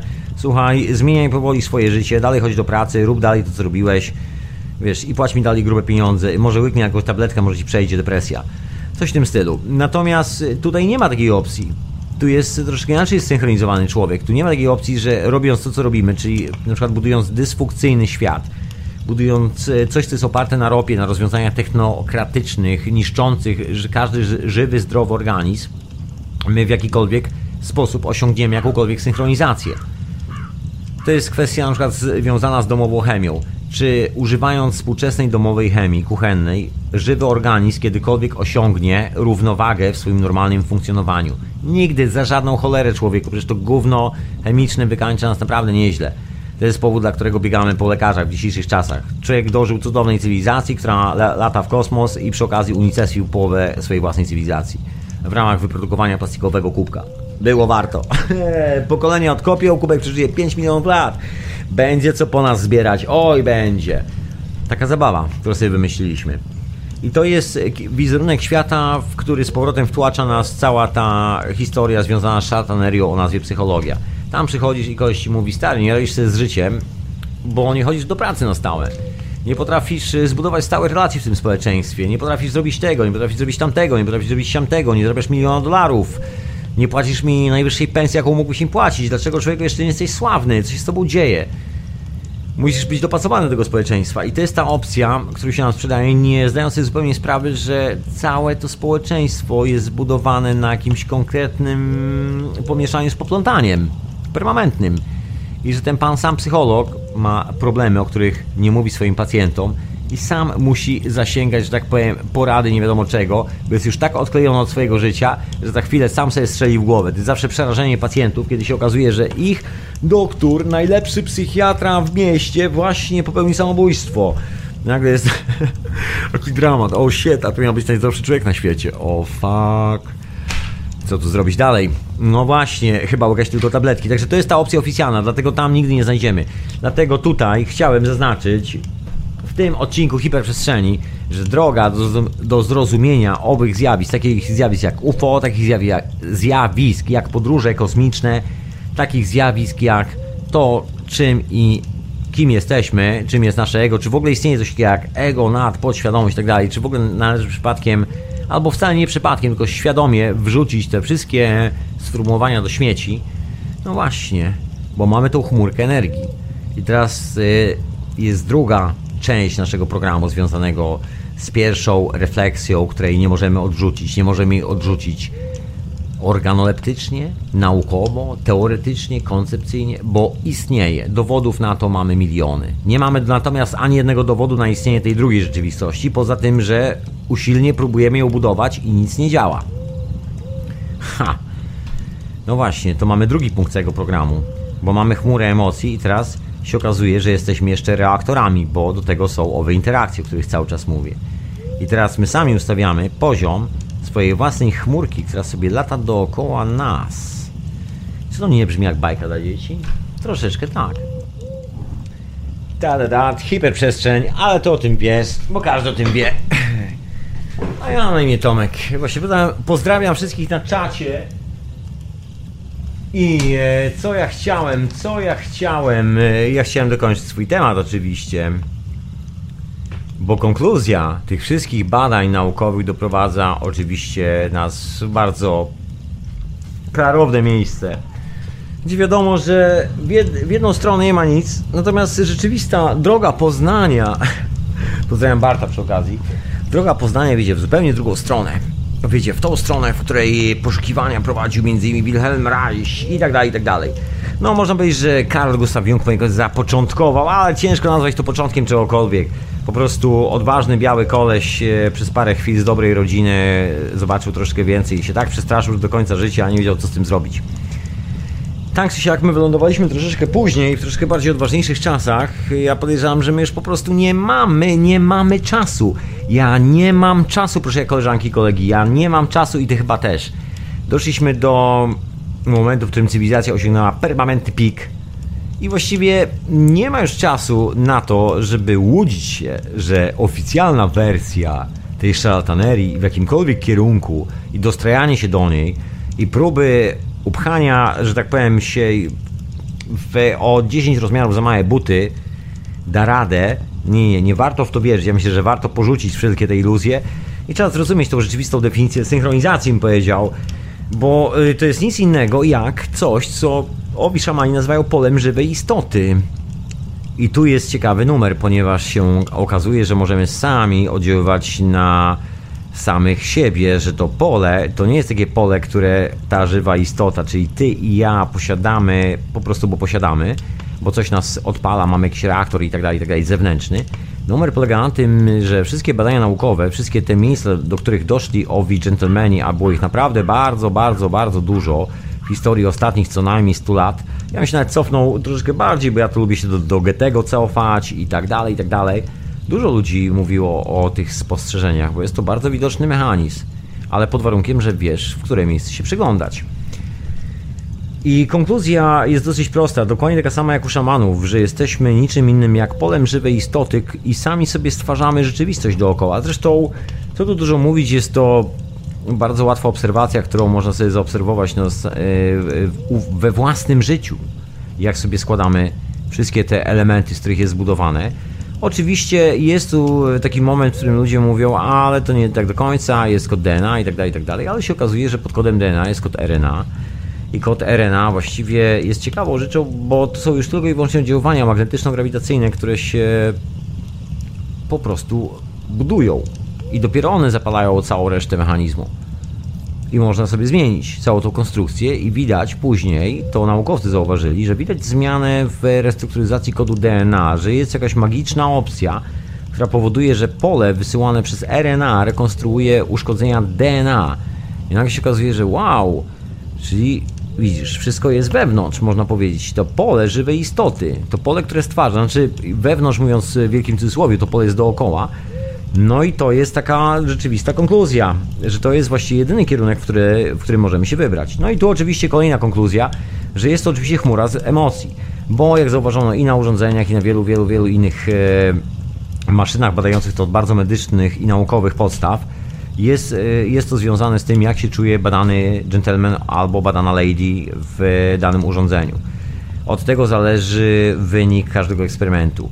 Tutaj e, dochodzimy do jeszcze ciekawszej rzeczy, bo w tym momencie wpadają nam oczywiście w głowę, mam nadzieję, że to już wpadły, historie z Dalekiego Wschodu o wielkich mistrzach, e, wielkich mistrzach wschodu, którzy robią niesamowite sztuczki rękami i tak dalej. To jest właśnie to pole żywej istoty.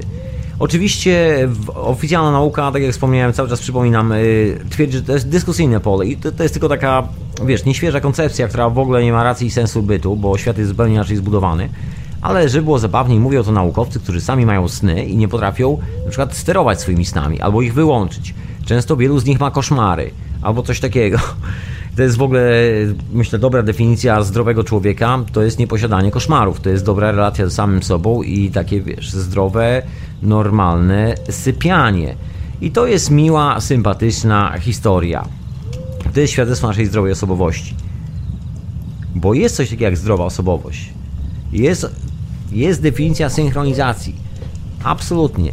Moment synchronizacji ciebie z sobą samym i mnie ze, ze mną samym to jest moment, kiedy nie mamy lęku przed tym, co widzimy. I tu powiem taką dosyć istotną dla mnie sprawę, chciałem tutaj poruszyć. Tak, tak, powiem, powiem. Chodzi między innymi też o wizję, ale nie do końca wszystkie rodzaje wizji. Znaczy, może ja troszkę zamotałem. Powiem najprościej. Chodzi o zaufanie do siebie, że to, co widzę, jest rzeczywistym obrazem tego, co mam w głowie. Niekoniecznie musi to oznaczać, że jest to rzeczywista sytuacja, która się dzieje dookoła mnie. Jeżeli w tym momencie widzę po lewej stronie siebie, obok tutaj na krzesełku, siedzącego różowego słonika wielkości 1,5 metra, machającego do mnie różową łapką i trąbką w stylu Walta Disneya, może być to coś, co naprawdę się dzieje, ale doskonale sobie zdaję sprawę z tego, że dzieje się to tylko w mojej głowie i niekoniecznie ty musisz to widzieć. Natomiast są rzeczy, które widzimy wszyscy. I to już e, ciężko, że tak powiem, zak, zak, e, zakwalifikować jako halucynację, jako jakąś wizję albo jakieś szaleństwo.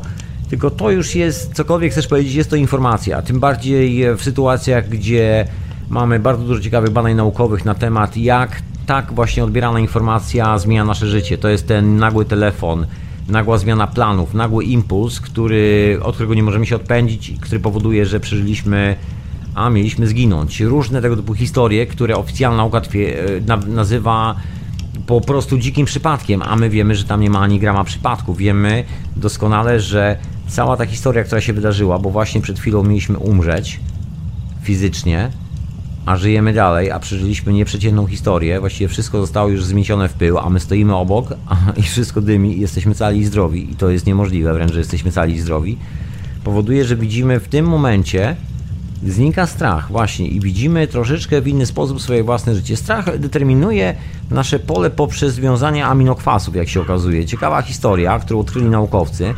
Zwierzaki używają tego do detekcji zapachu. W dzisiejszych czasach e, badania nad zapachem są troszeczkę bardziej zaawansowane niż to, o czym się mawia tak oficjalnie. Wiadomo, że feromony to, to nie jest związek zapachowy. Wiadomo, że to jest związek, który przekazuje informacje, a informacja jest zapisana w niewidocznym polu, które wiemy, nazywamy aminokwasami. I numer polega na tym, że właśnie to czarodziejskie pole powoduje, że wszystko się zmienia i się troszeczkę inaczej widzi rzeczy i można w tym polu sobie sterować różnymi hecami dookoła. Swoją własną wizyjnością i kilkoma innymi rzeczami. I to pole, oprócz tego, jest sklejone w jakiś tajemniczy sposób z kosmosem. No, w tajemniczy sposób, swoją strukturą, wszystko jest tym kosmosem. Ale właśnie wejście w kosmos, wejście w wiele zjawisk, które oficjalnie przeczą oficjalnej nauce, właśnie odbywa się przez to pole. Przez to pole, które przestaje być już wizjami indywidualnymi, a zaczyna być przekazem informacji, który jest już e, odklejony od tego indywidualnego aspektu, bo wiadomo, że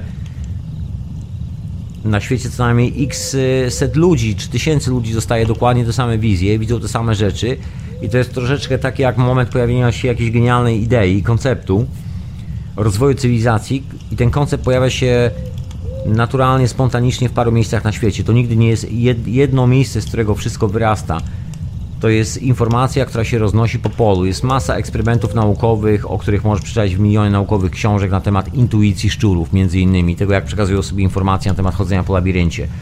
Masę badań na ten temat, jak uczą się od siebie w polu, kiedy jedne szczury znajdują się w Sydney, a drugie znajdują się w Nowym Jorku, a trzecia próbka testowa znajduje się w Londynie albo w Tokio. I wszystkie wykonują tą samą robotę, za każdym razem coraz szybciej, bo się okazuje, że uczą się od siebie nawzajem niezależnie od tego, ile dzieli ich oceanów, wysp i kontynentów.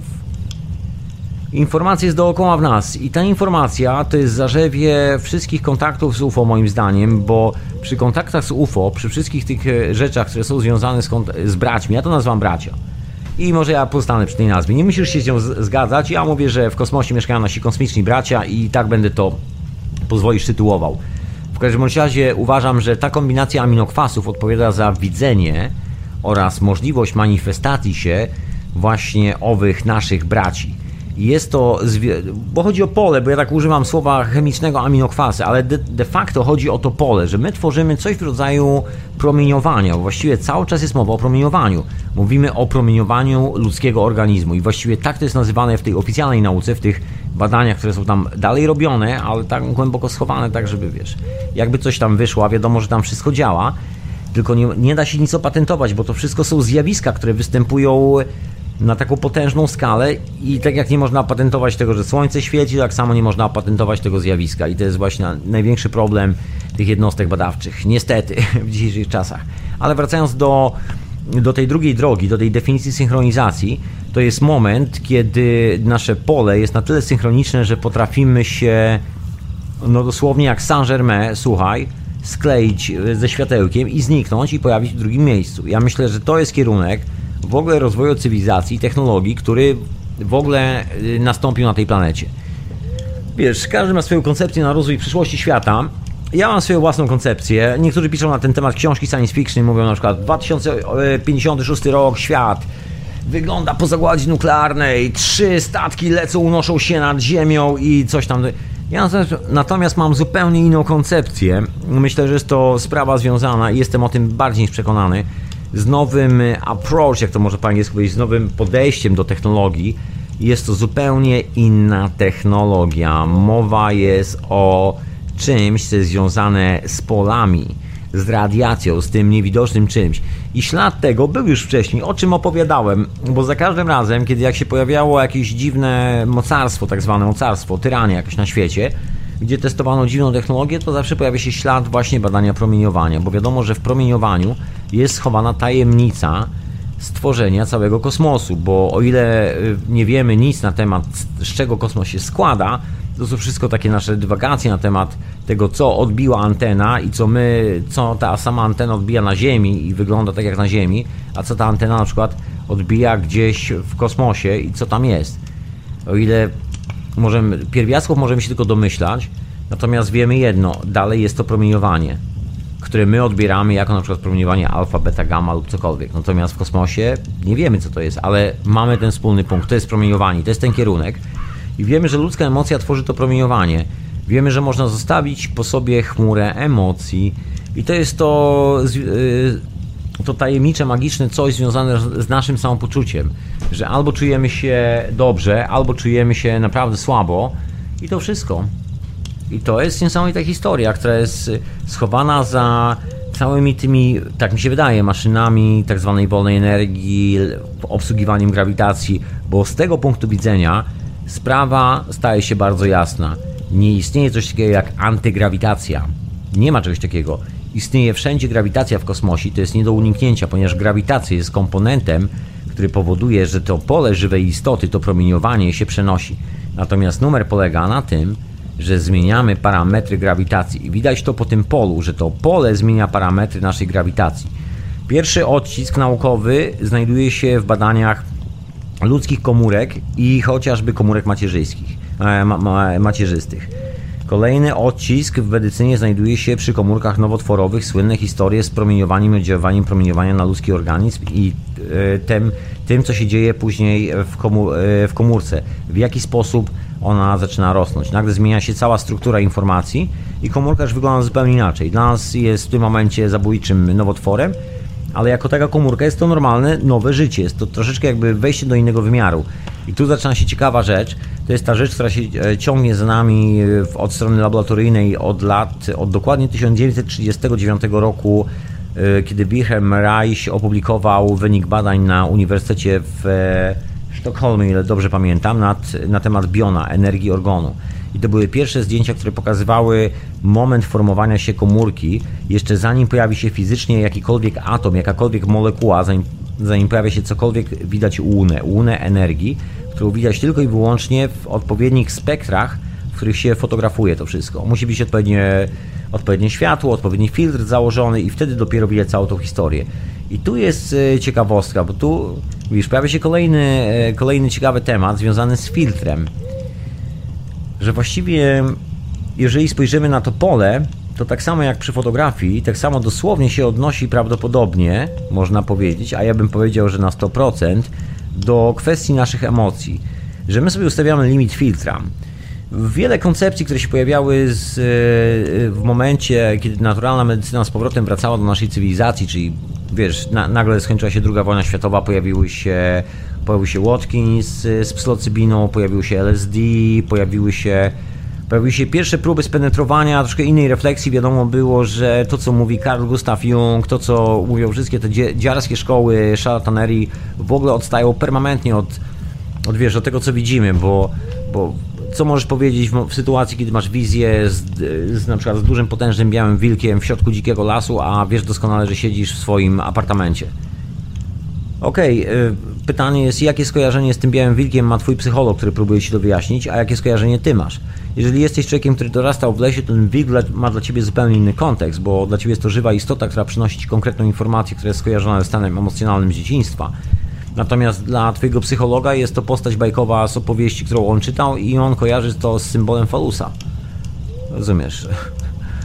Tu jest taki delikatny problem poznawczy że jesteśmy jedynymi osobami, które są w stanie dobrać się do tej skarbnicy wiedzy, którą każdy z nas sobie nosi indywidualnie. I nie ma innej opcji, jak po prostu tą wewnętrzną bramką. I ta wewnętrzna bramka jest dosłownie tak, tak jak te maszyny, które były używane do fotografii tych komórek. Słynne mikroskopy wybudowane przez między innymi dżentelmena z Stanów Zjednoczonych Kinga Royala, które są zanektowane teraz e, przez, proszę ja, koleżanki, kolegę Smithsonian Institute, te potężne mikroskopy optyczne, na których widać wszystkie te właśnie interakcje plazmowe, bo teraz wiemy, oficjalnie w medycynie, nawet jak idziesz na targi urządzeń medycznych, to masz najnowsze urządzenia do na przykład regeneracji tkanki skóry i dalej, i tak dalej. To sobie poczytać, co to jest. Zawsze jest opis ten sam. Urządzenie plazmowe i zaczyna się wykorzystywać technologię plazmową, czyli czyli pole, bo de facto plazma to jest y, nic innego jak pole. Mówimy o promieniowaniu pola, także słowo promieniowanie pola, no widzisz, i już są dwa słowa, promieniowanie pola. A tak, mówisz plazma, to jest jedno słowo, dokładnie to samo. Od strony naukowej jest to dokładnie to samo zjawisko. I jak się okazuje, wszystko bazuje na tym samym. I tu wracamy do czasów, no, można powiedzieć, podstaw teoretycznych, które powstały dzięki Goethemu, bo Goethe był pierwszym facetem, który stwierdził, że jeżeli światło się rozbija w ten sposób, a światło determinuje wszystkie procesy życiowe, to wszystko musi być oparte na tej samej zasadzie. W świetle wygląda to tak, ale ten sam proces przetłumaczony na inne zjawisko wygląda, no właśnie, dokładnie tak samo jak w światełku. I tu, jest, y, I tu jest ten fenomen owej ucieczki do normalnej synchronizacji, że normalna synchronizacja nas samych następuje nie w otoczeniu technologii wariata, tylko otoczuje, następuje w otoczeniu normalnej technologii, która jest synchronizowana z naszymi emocjami. Czyli, tak jak mówią szamani, pierwsza rzecz, którą musi zrobić żywa istota, po to, żeby móc y, skorzystać ze swoich mocy, to jest uleczenie samego siebie, czyli wyleczenie swojej własnej duszy.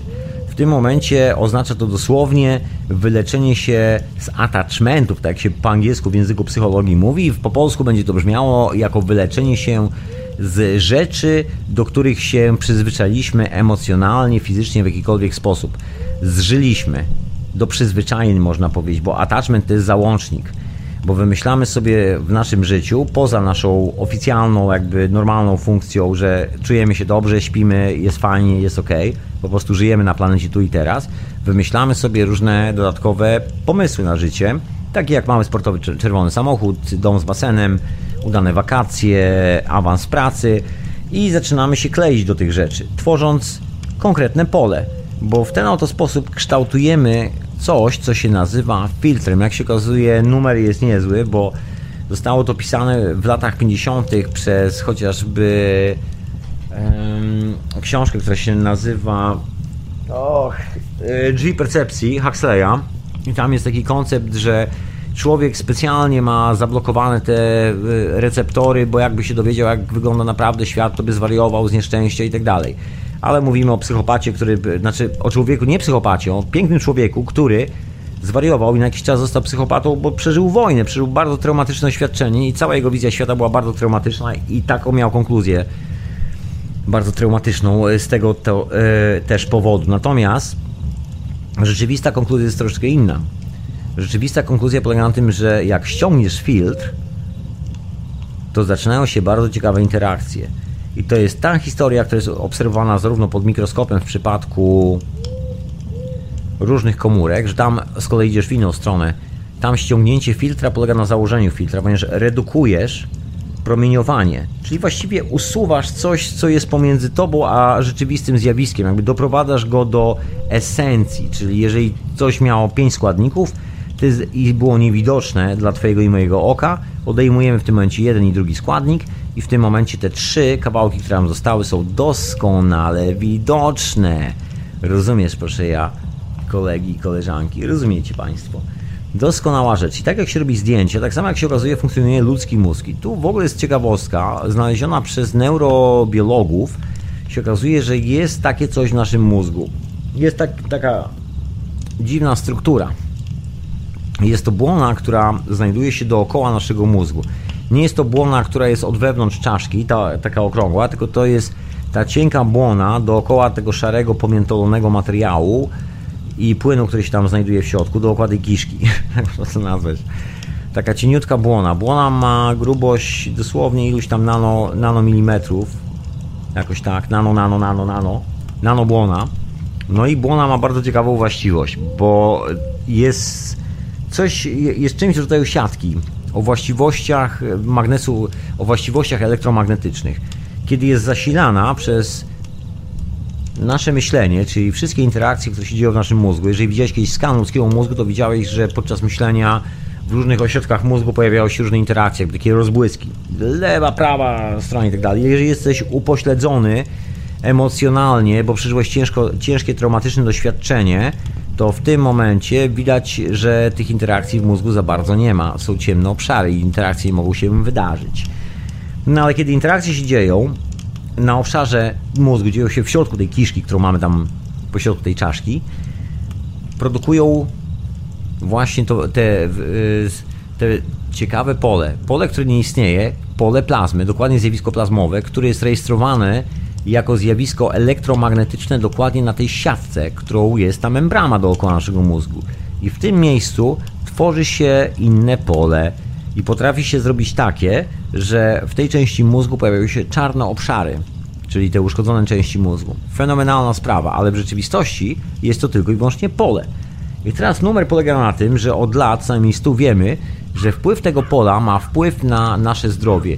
Jest kilka urządzeń, takich jak e, różne kaski zakładane na głowę i tak dalej, i tak dalej. Ten pomysł się pojawił w momencie, kiedy się okazało, że naturalnej medycyny nie można używać, bo jest nielegalna. Ale co robi naturalna medycyna? Naturalna medycyna właśnie zmienia nas bardzo mocno od strony emocjonalnej, synchronizując, można powiedzieć, nasz wewnętrzny, emocjonalny, etyczny ze sobą samymi e, balans, taką równowagę naszą własną, z naszą fizycznością. I w tym momencie to pole żywej istoty, które samo siebie buduje i zawsze samo siebie uzupełnia, Człowiek sam przychodzi na świat, znaczy w łonie mamy, ale później jak wyjdzie z łona mamy, to przecież ręka sama wyrasta, to nie jest tak, że ja po trzeci, czwarty, piąty palec i po piąte żebro idę do mamy za dwa lata po tym, jak się urodziłem.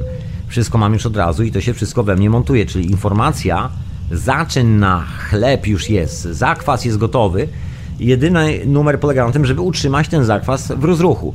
I tym czymś, co utrzymuje ten zakwas, czyli nasz e, worek kości, mięśni, i krwi itd., tak itd. Tak w kupie, to jest właśnie to pole, które jest sklejone z naszymi emocjami. To jest ta rzeczywista istota, pole żywej istoty. I nie polega to na tym, że weźmiemy sobie kawałek tabletki albo kawałek jakiejś substancji medycznej, albo jakiejkolwiek i automatycznie się skleimy z tym. Jest to kwestia, która jest wyzwalana przez substancję, ale tylko wyzwalana. Chodzi o przeżycie ze sobą samym swojego własnego życia w taki sposób, żeby nie było zbyt dużo rzeczy, które nam się kleją do nóg i dociążają, kiedy chodzimy po tym padole, że tak powiem. Czyli nie ma attachmentów tak zwanych. Ta synchronizacja polega na tym, że zdajemy sobie sprawę z tego, jak niewiele potrzebujemy do życia, albo jak wiele i dokładnie używamy tyle, ile używamy. Y, standard polega na tym, że bierzemy od świata dokładnie tyle, ile potrzebujemy i dokładnie tyle, a czasami wręcz z, nawiązką, z nawiązką oddajemy. To jest zaprzeczenie komercyjnego stylu życia, ponieważ każdy doskonale wie, że człowiek robi więcej niż tylko dla siebie. Jeżeli gotujesz cokolwiek, zawsze wychodzi więcej niż tylko dla siebie i tak dalej, i tak dalej. Tak jak rośnie roślina, jest jedno ziarenko, później z, y, z, z jednego ziarenka wysa, wysadzasz paręnaście ziarenek, później rośnie całe pole i tak dalej, i tak dalej. Struktura w naturze zawsze jest do, dokładnie taka sama, zawsze jest rosnąca. Także definicja synchronizacji i tego, jak to się później rozprzestrzenia, jest dokładnie oparta na tym, że pole żywej istoty samo się buduje, samo się układa, jest takie samo się naprowadzające. Ty jedyne, co musisz zrobić, to po prostu poczuć się zwyczajnie dobrze sam ze sobą, ze swoimi emocjami. Nie żyć strachem, nie karmić tego lęku, nie iść tą stronę. Wiesz, o czym mówię. I to jest technologia, która jest związana z czymś zupełnie innym. Bo jak się okazuje, za tym polem jest związana potężna energia.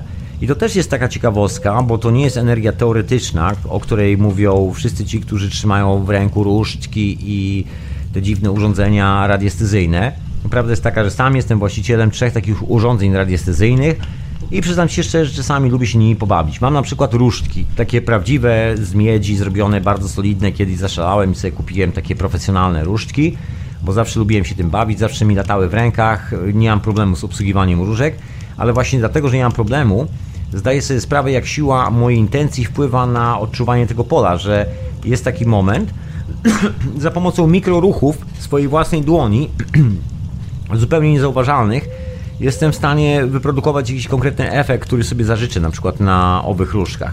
I to potrafi każdy gentleman i każda lady, która się tym obsługuje. I właściwie, jeżeli używam tego urządzenia, to bardzo długo trwa uczenie się tego rozróżniania, tego mojego pola, tego mojego chcenia od tego rzeczywistego pola, które jest na zewnątrz. Ale są to urządzenia mocno dyskusyjne, nawet dla mnie, użytkownika tych urządzeń bo ja nigdy do końca nie wiem, ile to jest z mojego pola, a ile to jest z tego dookoła. To zawsze jest interakcja pomiędzy jednym a drugim. I to zawsze jest interakcja pomiędzy mną, więc w rzeczywistości nie nadaje się za bardzo do mierzenia czegoś, co wiesz, jest kwestią dyskusji pomiędzy mną, tobą i resztą świata, bo to i tak jest tylko coś pomiędzy mną a moją interakcją. A tutaj dzieją się rzeczy, które dotyczą nas wszystkich. I te rzeczy można sobie spokojnie zmierzyć i są urządzenia pomiarowe. Wiadomo, że coś takiego istnieje Nasza synchronizacja powoduje wzrost napięcia elektrostatycznego, które jest rejestrowane w mięśniach naszego serca. Wiemy doskonale, że wyższy prąd elektryczny w kombinacji chemicznej substancji, która się nazywa naszą krwią, czyli hemoglobiną, zawierającej substancję o nazwie CH3, czyli tak zwany tlenek żelaza, jest aktywna w polu elektrostatycznym. Ja przepraszam za taki długi wykład, troszkę może przynudnawy, ale chciałem tutaj zaznaczyć takie ogólnie znane wszystkim naukowcom fakty, że ta substancja ma właściwości magnetyczne, przez co też manifestują się jako pole elektronów. Dlatego też mówimy, że jest elektromagnetyczne. W rzeczywistości, w rzeczywistości jest to pole grawitacyjno-magnetyczne magnes oddziałuje na ludzkie serce. Są takie klasyczne historie, że jak się wchodzi do pomieszczeń laboratoryjnych, gdzie są potężne magnesy, to czasami człowiek się troszeczkę inaczej czuje. Zresztą są terapie oparte na używaniu magnesów. Słynne na cały świat, sprzedawane chyba na tony. Takie bransoletki, w których, e, w których są zamontowane specjalne magnesy neodymowe, które robią pole i ludzie, i ludzie, że tak powiem, czują się o wiele lepiej i zdrowiej i tak dalej, i tak. I to faktycznie działa leczy ze stanów reumatycznych i tak dalej, i tak dalej. Jest, jest oddziaływanie, jest materia, także nie ma czemu zaprzeczyć. Wiadomo, że, że to istnieje. Kiedy bierzesz miernik do ręki i sadasz takiego dżentelmena, każesz mu robić medytację jeszcze sobie ten dżentelmen... Ja przepraszam, że tak dyskryminuję kobiety i ciągle mówię dżentelmen. Ale kobiety teraz siedzą sobie, z, mają, że tak powiem, wywalone na wszystko, z ulubioną kawką w ręku i sobie słuchają, a panowie zasuwają. Kobiety górą. Anyway, mm, wracając do tej historii, jeżeli weźmiesz człowieka i nauczysz mm, go, znaczy on sam się nauczy tak zwanej medytacji, czyli uspokajania rytmu swojego własnego serca od strony zwalniania oddechu itd., tak itd., tak umiejętność wymuszania poniekąd tej reakcji uspokojenia na organizmie, ale poprzez emocjonalną rzecz, bo medytacja polega na tym, że ty się uspokajasz, wyciszasz w głowie, czyli od, y, synchronizujesz się poprzez właśnie taką selekcję, jakby usuwasz filtry. Wypuszczasz wszystkie myśli na zewnątrz, jakbyś wyciągał wszystkie rzeczy, które ci dzielą jedną szybę za drugą, jedną szybę za drugą, otwierał kolejne, kolejne okno i na końcu otwierasz wszystkie okna, tak że masz przeciąg przez cały budynek. I na tym polega cały numer. I w tym momencie dopiero zaczyna się, zaczyna się synchronizacja w Twoim sercu. I jeżeli masz podłączone urządzenia, to widać na nich, jak e, napięcie elektryczne, elektrostatyczne, które się tam manifestuje, wzrasta. Kolesie, którzy mieszkają w Azji, były takie badania, potrafią zrobić około 200 V wyładowania elektrostatycznego w swoim ręku DC. Poważnie, takie potężne iskierki strzelają. Także wiadomo, że pole żywej istoty nie ma w sobie, no nie ma sobie równego, no taka jest prawda. Wiadomo też doskonale, bo to jest kolejna konkluzja, że pole żywej istoty jest odpowiedzią na pytanie na temat prądu. Wiedział o tym Nikola Tesla, badał ten temat, do końca życia go nie zgłębił. No my żyjemy w takich czasach, w których mamy dostępną taką technologię, tak, to jest moja opinia. No musisz się ze mną zgodzić, musisz. To jest oczywiście technologia cache, anyway, tak czy siak.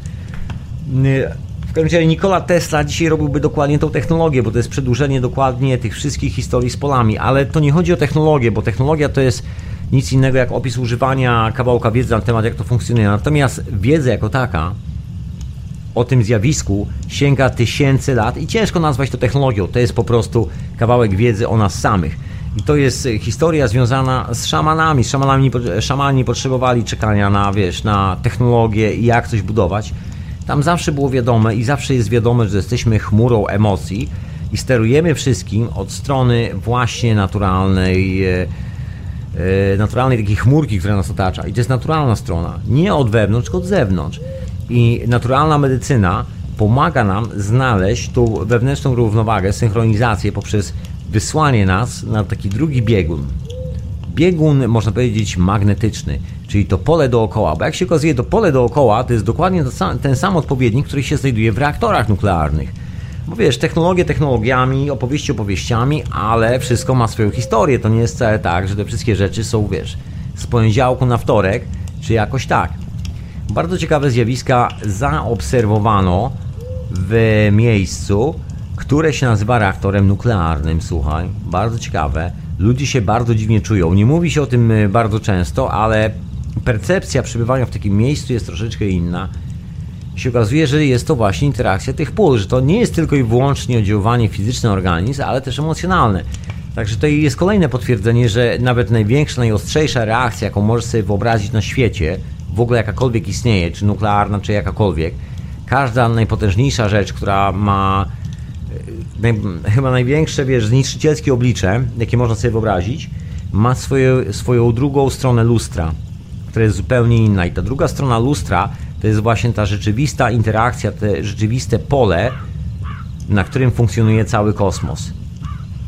Ta struktura, z której wszystko jest zbudowane. I to jest e, ta energetyczna chmurka, słuchaj, która sobie lata dookoła każdej żywej istoty, jest tworzona przez Ziemię dookoła, jest e, robiona no, wszędzie, gdzie tylko się da. I tą chmurkę możesz postawić sobie wszędzie. Taka historia. Rozumiesz? I to jest właśnie pole żywej istoty. Rozumiesz? Rewelacyjna historia.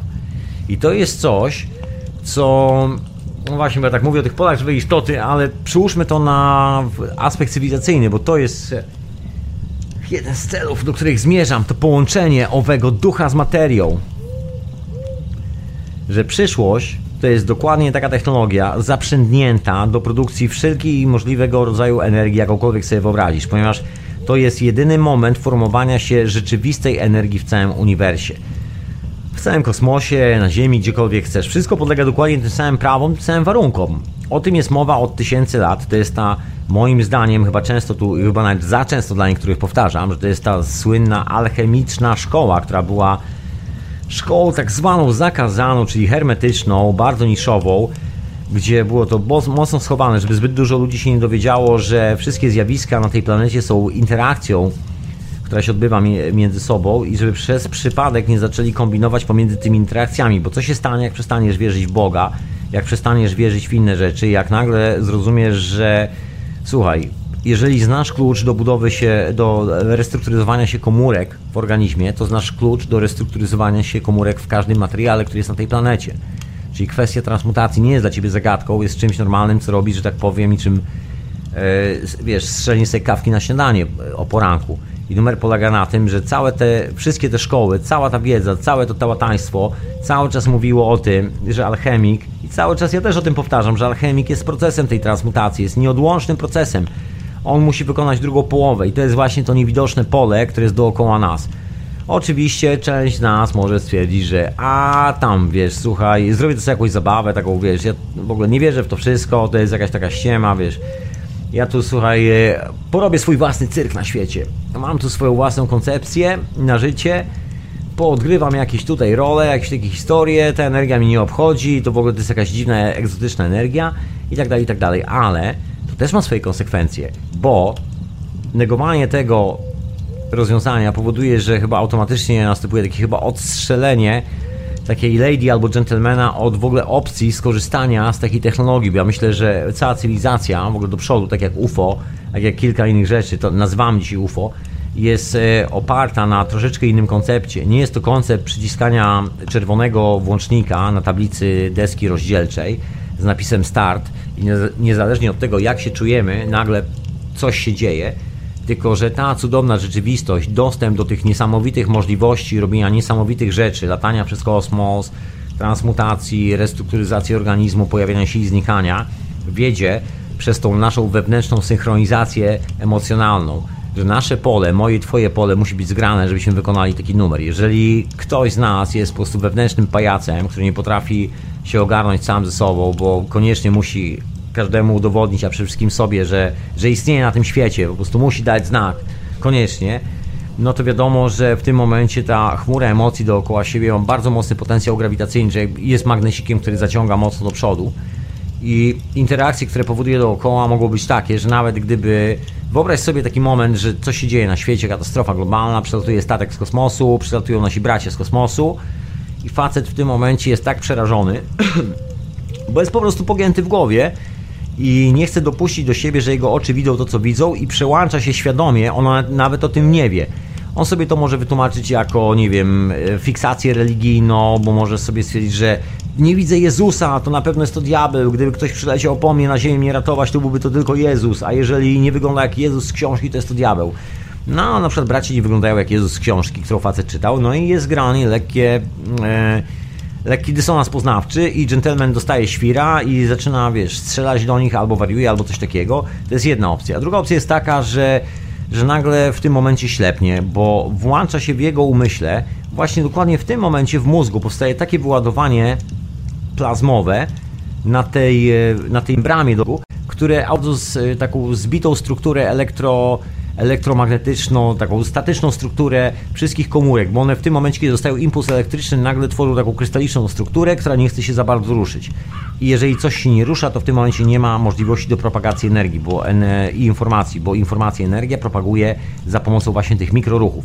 Czyli w tym momencie masz zamrożoną strukturę, która jest jak kawałek twardego dysku i ten kawałek dysku reprezentuje nic innego jak kawałek twojej gównianej albo mojej gównianej emocji pod tytułem przeraziłem się na śmierć, bo po prostu zwariowałem. I cokolwiek teraz e, wpadnie do mojej głowy, jakikolwiek pomysł jest zawsze filtrowany przez ten kawałek membrany na moim mózgu. I numer polega na tym, że dopóki się nie wstrząsnę emocjonalnie w drugą stronę i nie zakocham się albo coś takiego, do tego momentu jestem out. I nie widzę co się dzieje i mogę nawet oślepnąć. Genialny przykład, znany z oficjalnej medycyny, ludzi, którzy są niewidomi. Jest naprawdę masa ludzi na świecie, którzy są niewidomi, ale wszystkie badania medyczne, skany MRI, tomografie komputerowe itd., itd., itd., wszystko cokolwiek jest możliwe na tym świecie, żeby prześwietlić człowieka na wylot i na wskroś, pokazuje jasno i wyraźnie, że nie ma żadnego uszkodzenia nerwu wzrokowego i w ogóle elementu, który odpowiedzialny jest za w ogóle widzenie w naszym mózgu. Że wszystko działa idealnie, organizm jest idealnie przygotowany, ale jest coś, jest jakiś rodzaj emocji, coś się wydarzyło w życiu tych ludzi, że nagle oślepli, zobaczyli coś traumatycznego i tak dalej, i tak dalej. Nie chcą już widzieć świata. I może być taka akcja, że przyleci sobie jakiś nasz brother and sister i ją z kosmosu, akurat y, może niekoniecznie będzie zielony, niekoniecznie będzie ją maski, ale nie wiem, będzie czymś innym, będzie łuną, która się unosi w powietrzu, będzie światłem. E, zapyta się, cześć stary, masz może jakieś zioło, a ty się przerazisz, uklęgniesz na kolana, zaczniesz się modlić, powiesz, powiesz o, swoją modlitwę wydłukasz i nagle sparaliżuje cię i oślepniesz. a on właśnie przyleciał i zaoferował ci właściwie pomoc, bo idzie jakaś fala na ciebie albo coś tam, albo się przyleciał przywitać, albo ciasko ci przywiózł, wiesz, pogadać, sąsiad, brat.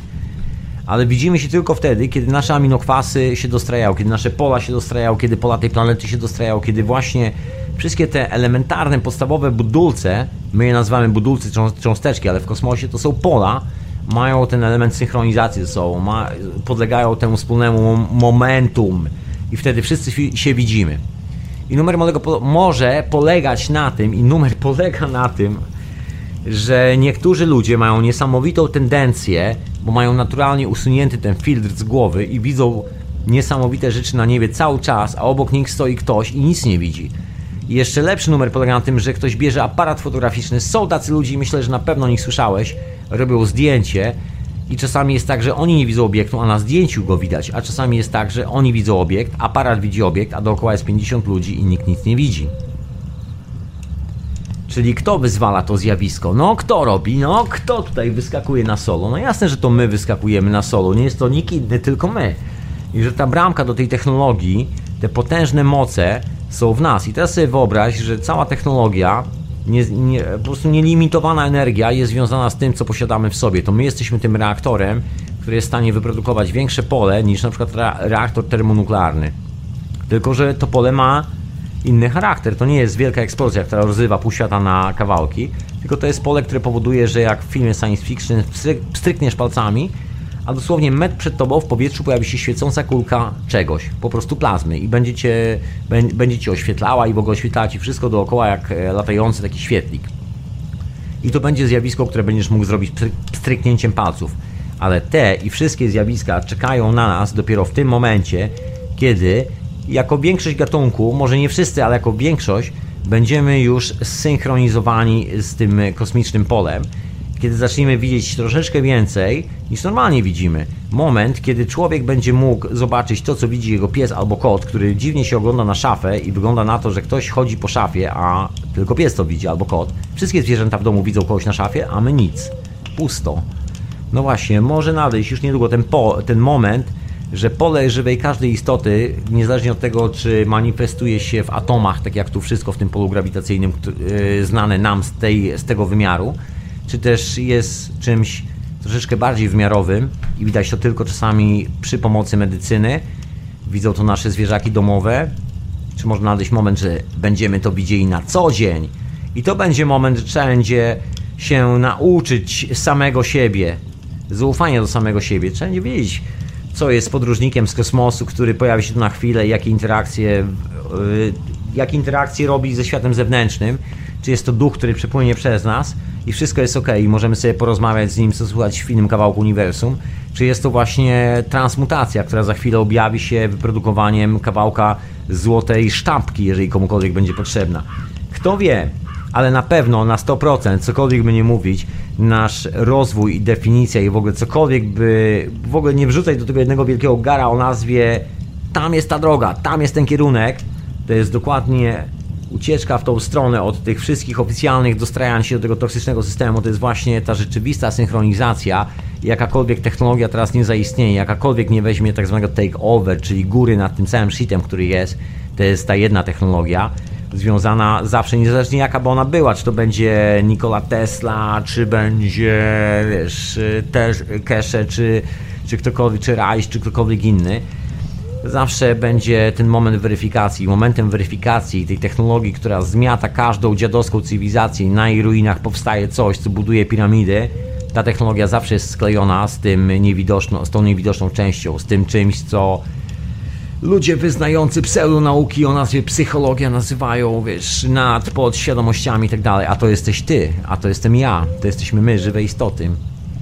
Tylko czasami się odklejamy i myślimy, że nie wiem, jesteśmy swoim zawodem, który wykonujemy, jesteśmy tym, co jemy, jesteśmy tym, co wydaje nam się, że myślimy w tym momencie. Ale w rzeczywistości wszystko sprowadza się do tego, że czujemy, czujemy, że jesteśmy tutaj. I ty czujesz, że tu jesteś, i ja czuję, że tu jestem. Reszta jest kwestią dyskusji pomiędzy nami, co nam się wydaje na ten temat. Prawda? No tak. Możemy się spierać na wszystko, ale jedno jest pewne. Ty tu jesteś i ja tu jestem. I na tej energii która czasami pomiędzy dwoma paluchami na wyświetlaczu pokazuje 200 V i jak się okazuje człowiek gdyby się postarał i mu się chciało i miał takie odblokowane pole u siebie w głowie, w mózgu na tej membramie to może produkować nagle, jak się okazuje, prąd cały czas niczym agregat prądotwórczy. Jak się okazuje, człowiek może dokonywać transmutacji, wyciągać dziwne rzeczy z innych ludzi. Są takie operacje zanotowane przez oficjalną medycynę. Człowiek może zmieniać wiele rzeczy swoimi rękami. I teraz pytanie, czy nazwać to technologią? No właśnie, to jest dobre pytanie, bo z jednej strony jest to technologia, a z drugiej strony się okazuje, że to jest natura wszechświata, natura każdej żywej istoty. Przecież kamelon czego on używa do zmiany swojego koloru? A czego my używamy do zmiany swoich e, koloru oczu, prawda? To jest taka ciekawa sprawa, na którą polecam się przyjrzeć każdemu z nas na temat właśnie tego, kim i czym my jesteśmy, jak to wygląda, jak zmieniają się kolory naszych oczu pod wpływem emocji. Ciekawa historia. Transmutacja w pigułce. Tymczasem kończę, słuchaj, ten odcinek hiperprzestrzeni. Zostałem się samopa z tymi refleksjami. Ja wrócę do tego tematu, do tej rzeczywistej synchronizacji, do tego momentum, do którego zmierzamy, do tego, że substancje to tylko część tej drogi, którą wykonujemy. I cały numer polega na tym, żeby nie budować sobie tych filtrów poznawczych, właśnie tych specjalnych filtrów, które nam e, E, tuningują, troszeczkę def, definiują rzeczywistość. Im mniej definicji rzeczywistości, im wiek, tym większe pole pomiędzy rękami, tym większe pole, które czujemy w głowie, w sercu, w nogach, wszędzie dookoła i tym ciekawiej możemy wyglądać na zewnątrz. I może być tak, że im większe pole, tym więcej światełek widzimy na niebie i to już takich światełek, że są trzy światełka i te trzy światełka potrafią w ciągu ułamka sekundy skręcić kierunek o 90 stopni w inną stronę, przyspieszyć, zwolnić, zrobić łuk i polecieć znowu o 90 stopni w inną stronę. Rozumiesz? I nie będzie to problemem, żeby widzieć takie rzeczy na niebie. I zabawne się stanie coś zupełnie innego. Zabawni się staną wszyscy ci ludzie, którzy tego nie widzą i to będzie takie dziwne. Jak można tego nie widzieć? To będzie ciekawy świat. To będzie ciekawa cywilizacja. I taka jest przyszłość. Taka jest moja opinia, człowieku. I tyle. Zostałem się zatem z moją opinią na ten temat. Dziękuję jeszcze raz za wysłuchanie hiperprzestrzeni. Słuchałeś radia na fali.com, człowieku. Ja przypominam, że jest to retransmitowane w radiu Paranormalium oraz w radiu Czas Snu. Jeszcze przypominam o moich zacnych kolegach, którzy nadają w radiu na fali, o etykiecie zastępczej, żebyś tam wpadł człowieku w środku tygodnia, żebyś wpadł oprócz etykiety zastępczej na chatę Mistyka w czwartek. Etykieta zastępcza w środę o godzinie 23 polskiego czasu. Chata Mistyka zaczyna się o godzinie 10 polskiego czasu, a ja później czasami się pojawiam na felietonie przed mikrofonem. Takim wiesz, życiowy felieton z życia w Londynie. Także zapraszam w, w środę i czwartek. Zapraszam e, w ogóle tak ogólnie do wszystkich radiów po drodze i Paranormalium i Radia Czas. No teraz na weekend do Paranormalium, bo tam pewnie kolejne debaty i różne takie E, rozmowy. Pozdrawiam serdecznie i, i i Chrisa, których strasznie lubię w ogóle ostatnio słuchać. Namiętnie was słucham, panowie. Serdecznie pozdrawiam. Nie odzywam się na tej tak, tak powiem, taką prywatą skutecznie. Tak przy ludziach pochwalę, tak, się, że tak słucham. Fajne rozmowy, bardzo serdecznie polecam ogóle każdemu y, tutaj z obecnych, dziewczyną, chłopaku, jak się nudzisz, tam jest fajny podcast do posłuchania, znajdziesz sobie, wiesz co chodzi. Znajdziesz po tytule, wiesz o czym mówię. No co jeszcze chciałem powiedzieć, że w czasie, w czasie snu, w radiu Czas Snu niedługo będzie, będzie nowa rzecz, nowe rzeczy się pojawią, nowe nagrania, także zapraszam serdecznie. Będzie ciekawa opowieść, ja znam część, ja znam tą opowieść, bo ja, bo to jestem jednym z bohaterów tej opowieści, jak się okazuje, czy jakoś tak, ale mniejsza o to. Ciekawa rzecz nam się wydarzyła, bardzo ciekawa właśnie na temat tej informacji, którą pozyskujemy troszeczkę inaczej, że świat działa inaczej, że jesteśmy w stanie zbudzić każdą reakcję, potężną ilość energii, w zupełnie inny sposób, zupełnie nie korzystając z reaktorów nuklearnych, kopalni na węgiel, e, fabryk na węgiel i wszystkich tych dodatkowych rzeczy i ropy przede wszystkim. Jak się okazuje, jest to związane z emocjami. Ciekawa rzecz. No wiesz, jestem człowiekiem, który jako po prostu żywa istota na swoje oczy widzi działanie takowych urządzeń. I ciężko mi zaprzeczyć faktowi istnienia tego zjawiska, w ogóle w aspekcie naukowym, w aspekcie użytkowym na co dzień, w aspekcie działającej technologii. I powiązania tego wszystkiego z tym, co ja sobie myślę o świecie i moi znajomi, którzy też o tym wiedzą i też zdają sobie z tego sprawy, jest wręcz niesamowite. I powiem Ci szczerze, że naprawdę nie jestem tu oryginalnym człowiekiem, który zdaje sobie z tego sprawę, że dni tej technologii, którą mamy dookoła oficjalnie, tej oficjalnej nauki, są naprawdę policzone. Niewiele ich zostało. Ja tymczasem tutaj znikam, budować nową przyszłość. Zapraszam Cię, jeżeli zostajesz przy słuchawkach i przy głośniku, jeszcze przy radiu na fali na wieczorową porę tutaj ze mną. No i dziękuję jeszcze raz za wysłuchanie hiperprzestrzeni człowieku. Dziękuję i Tobie dziewczyno, i Tobie słuchaczu offline zmierzający gdzieś w swoim kierunku. Pozdrawiam kosmicznie serdecznie. Do usłyszenia w następnej hiperprzestrzeni. Mówił do ciebie ja. Jaż mi się odbiło po drodze. No właśnie. Żywa audycja. O, żywa audycja to się musi odbić. Otóż to. No właśnie, jeziorany muszą być. Zatem do usłyszenia następnym razem. Słuchałeś hiperprzestrzeni w radiu na fali.com